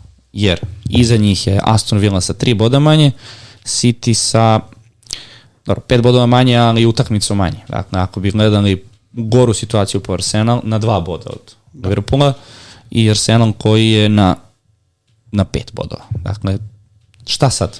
Dobro, sve zavisi kakvi su to rezultati. Sad, e, ako ajde, uzmemo da su, do, da su pobedili Bournemouth, odigrani nerešeno sa Chelsea i sa Arsenalom, nerešeno sa Arsenalom svakako nije loš rezultat. A, pritom i City će imati neke derbije koje će morati da, da odigra, da se potrudi da dobije. Pitanje je kako će to teći. A, opet nerešeno sa Chelsea-em, već su igrali nerešeno sa Chelsea-em prvu utakmicu u sezoni. A, Chelsea je pritom uzimao bodove i ostalim timovima, tako da niko ne može garantovati da, da će pobediti. Kada bi imali, ne znam, pet bodova iz ove tri utakmice, mislim da je to sasvim dobar rezultat. Pa daš kako? Dakle, ako oni ne mogu da bez Salaha nastave u nekom kontinuitetu, onda nisu ni tim koji zaslužuje na kraju da uzme titulu. Jer ako je Manchester City uspeo da ostane pri vrhu bez jednog od dva najbolja futbolera, bez obzira što mislim da De Bruyne ipak srce i duša Manchester City-a. Uh, sa druge strane, ovakva sezona je prosto za sve timove prosto tako da im daje druge, treće, četvrte šanse da se ponovo bore. Dakle, i ovo što Arsenal sada na minus pet, u nekoj drugoj sezoni gde je City ranije bio dominantan ili da Liverpool u nekoj sezoni, to je već bio kraj, bili bi na minus 12, minus 13. Tako da i Liverpoolovih par loših rezultata ne moraju znači da ih neće ispratiti konkurenti sa nekim okay. nepovoljnim. Ok, a šta očekujete onda? Jel mislite da će do povratka Salaha Liverpool ostati na prvom mestu? Do povratka Salah? Zavisi kada će se vratiti. Da. Pa dobro, ajde da gledamo naredne tri utakmice i da uporedimo. Evo ovako, ja, ja mislim da će dobiti Bournemouth, mislim da će dobiti Chelsea i Arsenal ne suđem se da, da prognoziram. Jesu ih sada dobili, ali ne mora ništa Evo da ovako, dakle, Liverpool ima Bournemouth, Chelsea, Arsenal, City ima Newcastle, Barney, Brentford, a, a, a Aston Villa ima Everton, Pazi, Newcastle i Liverpool, Sheffield. Liverpool da izgubi samo od Arsenala, da kažemo da će da savladi Barnley kod kuće i Brentford u gostima i Luton u tom nekom potencijalnom duplom 25. kolu, verovatno će zadržati ili prvo mesto ili će biti na jedan bod od City ako City sve pobedi do, u narednom periodu. A City ima gostovanje Newcastle koje je nezgodno, ali onda ima Ali, Barnley, onda- Brentford, Everton, Chelsea, Bournemouth, City ima već onako utakmice koje, No dobro, eto i oni imaju Chelsea. da, To je i- i ista Da. utakmica u suštini. Ja, gledam, samo iz ugla dok Salah Da. nije tu. Da, da, da. Jer ako se promeni slika, slika Ali- i onda Salah dolazi da bi spasio situaciju. mene više sad nije- zanima tu, nema Arnolda. Dakle, jedan od, od tri igrača koji su jako bili biti ne samo za odbranu, čak Arnold nije tip igrača na kojeg se oslonjaš da ti on Da sad u defanzivno, reakcijama, dakle, neko ko je tu za kreaciju, za duge lopte, za povezivanje tima bitan, za iznošenje lopte, E, to je sad možda trenutno koncepcijski i veći problem da ti Salaha možda Da, ali- možeš da Koliko neće biti Arnolda? Pa za Arnolda rečeno nekoliko nedelja, što može da se desi Ali- da će biti tu već u 22. Upravo kolu. to. Sa tim što ne znamo kada će biti tu, ali to je ovo nagađanje, protiv da, Bournemoutha, pazi, dola, idu jako nezgodnom timu u goste. Dakle, Andoni Rola, pričali smo o njemu i o Raju Valjekanu, njegovom, da kažemo, tom nekom sistemu da iz limitiranog uh, tima i igrača može da izvuče najviše. Može da bude nagazna mina, jer i oni u posljednje vreme su pobeđivali i United u gostima i davali su golove, ali Znaš kako, to su utakmice na kojima se na kraju uzima titula. Dakle, nemaš najboljeg igrača, dva od tri najbolja futbalera, nemaš, nemaš jednog zdravog beka, dođeš, pobediš, kažeš, ok, mi jesmo kandidati za titulu i zato smo na prvom mestu. To je Liverpool ove sezone pokazivao.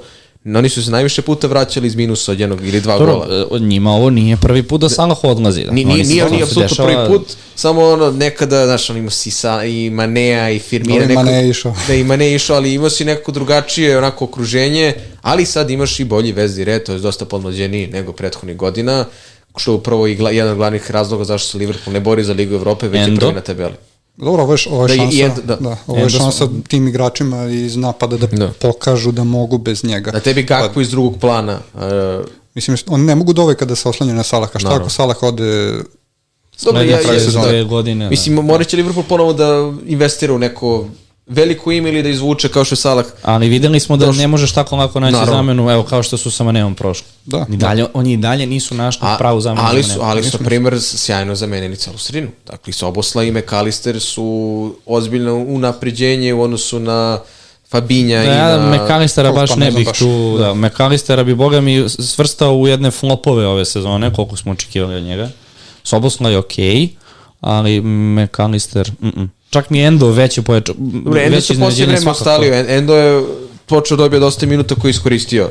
Pa njima je takav igrač trebao, znači Da. Fabinho je polako krenuo da opada, ali Fabinho iz najboljih dana po meni je odličan igrač, nema, nema šta. Jeste. I vratio bih se na ono što si rekao, De Bruyne srce City, ja mislim da je Rodri. Između ostalog da, To je, to je se. Vidi, kada je bio suspendovan, kada je propuštao utakmice, ta, je- rezultati to pokazuju, pokazuju skroz, ali ja ne, ne mogu to da izgovorim. Pa ne, ne, možemo da kažemo, ne, možemo da kažemo da je niko ne srce, ceni ne, defensivu. da, je- da Rodri srce tima, da je De Bruyne mozak. E, da je tako da... da. Pep ne može neko drugi da ti bude... Da može igraš bez mozga, ali ne može bez srca da igraš. Ne, ovo je apsolutno pravo, dakle ove sezone je baš Ma onako, dobro, da. kao po defaultu, nemaš Rodrija, ne možeš da pobediš. No, Mogu Rodri si na bez. De Bruyne, ali nekako sam stava da možda ne može da pobediš bez Rodrija, ali da je teško da možeš titulu da uzmeš bez De Bruyne. Sad sa Rodri može da pobediš utakmice, ali sa De Bruyneom možeš da uzmeš titulu, to sam mislio. Sad sam se zbunio. Ne Ne, znam, ne znam, De Bruyne je, i prethodnih sezona je De Bruyne umeo da propusti Da, da, pa, bitne da- utakmice, tako da, ali Pa je to opet, sezona bila, kad Kevin je opet isto nije igrao skoro pola sezona. Da. pa, Na proleće se čekaj, nešto vratio. I, I u Ligi šampiona se povredio nešto. A uvek je u finalima na kraju imao neke Znači, probleme. opet su bez njega. Da. Dobro, ali ima si i Gundon i Mareza kao Gundon kao najveći klač igrača. E, Elem, City. Elem, ponedeljak 3. Šalno na stranu, poslednja utakmica ovog kola je Brighton protiv Wolverhamptona. Najbolji raspored, to odmah da se kaže Brighton. Ubedljivo, dok Wolverhampton bogavi je jedan od težih rasporeda. E, Stupinjan spreman kao zapeta puška, dva, dva gola, jednom kupu, jedan u ligi, dakle ponovo se vraćamo momku od 4,9 miliona, a, ali druga situacija je da je Brighton poprilično ograničen trenutno sa brojem igrača u svom sastavu, nema ni Mitome, nema ni jedan Dingre, što ne mora znači da je loše, jer je Dezerbi upravo isto tip e, trenera koji tako voli da može malo nekad i pretrano rotira, ali u ovoj situaciji, dakle, Gross je neko ko mi deluje da je najbolja opcija iz Brightona na sredini terena, jer je neko koji je cele sezone konstantan, na prekidima je, uz njega bih istakao, to sam pričao i pre epizode sa Stefanom o Joao Pedru, koji je konačno ulovio kontinuitet minuta i počeo da pruža dobre partije i ustoje na penalima, dakle dve neke opcije bez stupinja, da to ti već tri igrača. Sve ostalo su onako Buonanote, Hinshelwood, dakle neki onako malo hrabrije opcije, ali mislim da ne treba više razmišljati nego neko od njih trojica, eventualno dvojica, jer imaju dobar raspored, a Brighton je tim koji zaista može ofanzivno mnogo toga da pruži. Mi od stupinjana ne očekujemo clean sheet, bez obzira što su uzeli prvi clean sheet, evo ga.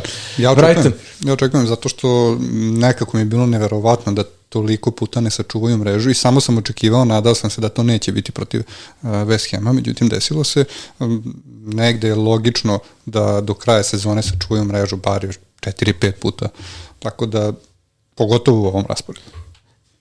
Šta Vidjet ćemo. očekujemo? E, ovde protiv, od Wolvesa nema Hvanga, to je nešto što treba da se napomene, on je sa reprezentacijom, Ali ali, ali Pedro Neto je tu, on je dalje među top 5 asistenata ligi, a nije odigrao faktički pola sezone, tu je Kunja, Sara- Sarabija konačno dobije minute, Lemine igra sezonu života, dakle malo malo postigne neki gol. Ovo je utakmica da ne očekujem iskreno clean sheet Brightona, očekujem golove na obe strane. Kunja igra isto onako sasvim solidnu sezonu uz jednog napadača koji tako jeftin. Dakle, malo, malo gola, malo asistencije, konstantno je tako u nekoj razmeri od 4 do 7, 8 poena. A ovde zaista mislim da možemo vidimo i Grosa i, i Joa Pedra i Neta i Kunju uh, u poenima, što bi trebalo znači da defanzivno ni Wolves ni Brighton ne mogu da nam ponude nešto, bog za šta. Šta očekujemo? Koji je rezultat ovde? Mislim da Brighton to dobio pa, rezultat tačan, ne znam. 3-2, Tri- 3-1. Tako, pobeda za 3-1. Brighton. Da. Dobro, završena najava kola. E, sad ću ja u širokom kadru, puf, samo da nestanem. Ispred mene ide slika naše ekipe. Uh, upoznaci sa kont... Da?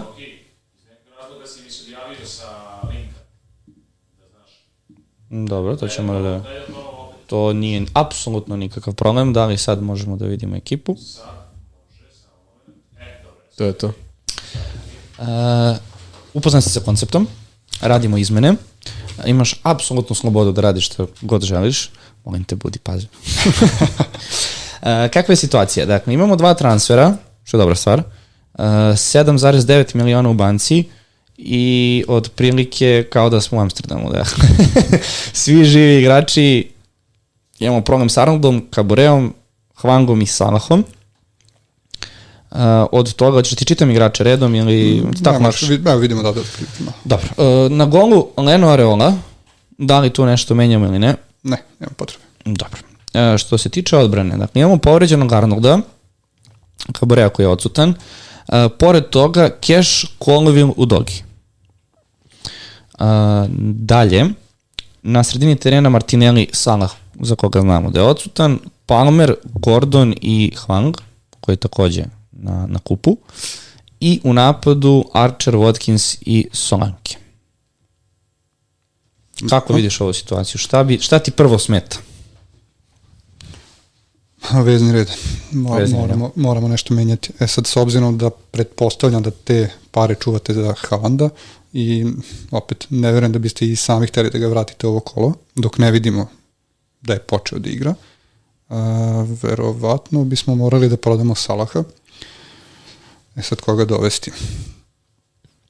Neki Pominjali smo- Foden, neki Pa Saka, ajde, ajde, ajde da prođemo te igrače, do, do nekle smo i prošli, Foden da, a, ako se ne bojite rotacije. Znači, bilo koji moment kada će Pepo odgovarati da ga stavi na klupu, Richarlison, Richarlison. a, šta smo rekli, a, Foden, Richarlison, Žota, Žota, sad Kuluševski kao neka treća, druga varijanta, mada ali njih trojica, dakle, Gross, ako Gross, da, eto, da. to su četiri opcije, mislim da je to ne znam, ne znam, Crystal Palace možda. E, bre, reči jeze. da, Olis je, da. Olis je ponovo povređen, da, to smo zaboravili da pomenemo. Pala smo totalno prošli, onako, nezainteresovano i sad će bude 3-0 za Pala, kazat ću. Pat nas. Ne znam, e, ja, ja stvarno, mislim, nakon što sam izjavio za Fodena, bilo bi glupo da ne komentarišem, ali stvarno, ako bi birali nekog od ovih igrača, ja bih Bruno dao... i Rashford. ja, da, e, vidiš, a, to, to nismo uopšte spomenuli, United ima, čini mi se, dobar raspored. Ima su uskoro. sasvim solidan raspored, a kao Rashford je vezao da je utakmica sa, sa poenima, konkretno gol i asistencija, a Bruno je jel I te izveo Bruno na prekidima, na prekidima, to jest na penalima, i dalje neko ko najviše, najviše šanci tu stvara, to što oni ne iskorišćavaju, to je neka druga tema, ali eto, nabrali smo više opcija, dakle, Foden, Gross, Žota, Richarlison, Pa ajde ovako, mislim da se Brightonov raspored mora Ispoštovati. Da. Da. E sad, e, ne znači da nužno moramo dovesti veznjaka iz Brightona, možemo ići na istupinjana pa menjati Kabureja, novca za Haaland da ćete imati svakako ako se Salah proda, tako da Tako je. možda će kasnije biti problema, ali ajde, o tom potom. E, dobro, hoćeš da probamo onda, dakle, da prvo menjamo Salaha. Uh, ok, ko? Pa ne ti znam, prelamaš. Tvoje kolo, tvoj mesec. Uf, uf, uf. Pa ajde, neka bude Foden. Znači Foden umesto Salaha i je stupinjan umesto Kaborea. Da. Eto, to je. Pretpostavljam, dakle, da krećemo sa tri ili četiri pozadi, pošto su dostupni svi osim Arnolda. Pa- Koga bi kao startere stavio? Uh, ček, ok, je li ovo Da, potvrđeno da, sad? da, Ovako ćemo da radimo, jel? Dobro. O da, mi su novce maltene imamo za maltene Haaland. Imamo, imamo Kevina da dovedemo celog. Super. Idemo da biramo tim. Ok, Arnolda, odmah da vam olakšam. Uh, I Martinelli umesto. Uh, da. Pa mislim u suštini I to je to.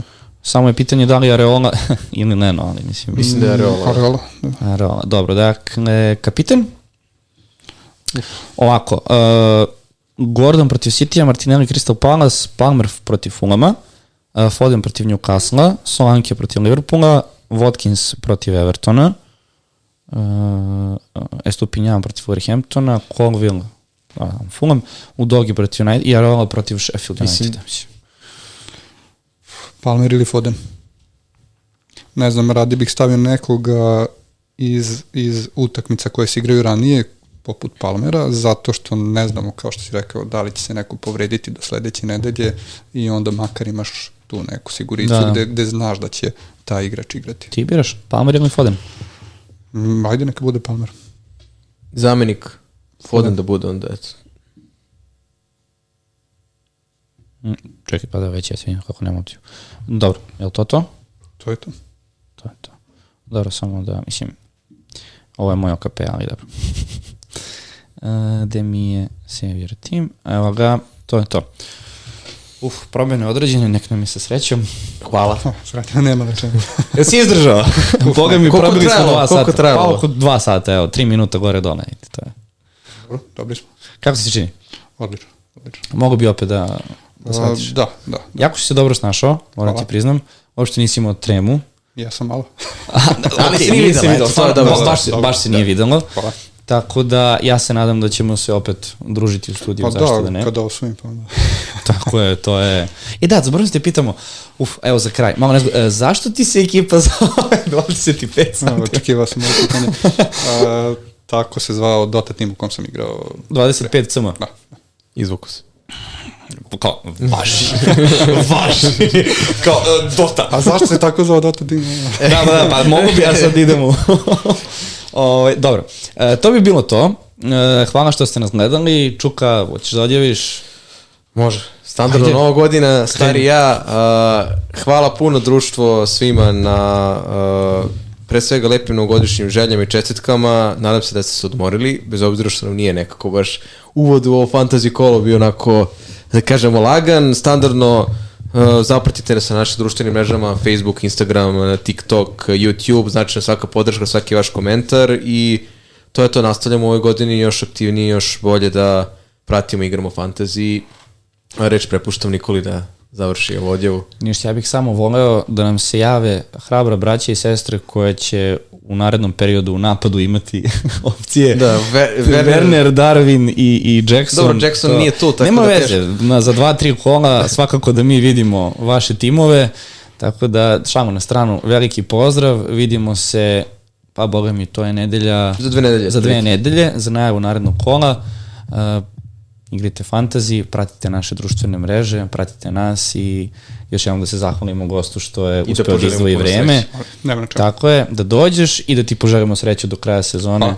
Ako ne pobednik meseca, kao što si rekao, onda da, da se vidimo na kraju godine kao pobednik ligi. Zašto Nadam ne? se, nadam se. To bi bilo to društvo, vidimo se. Ćao! Ćao! Ćao.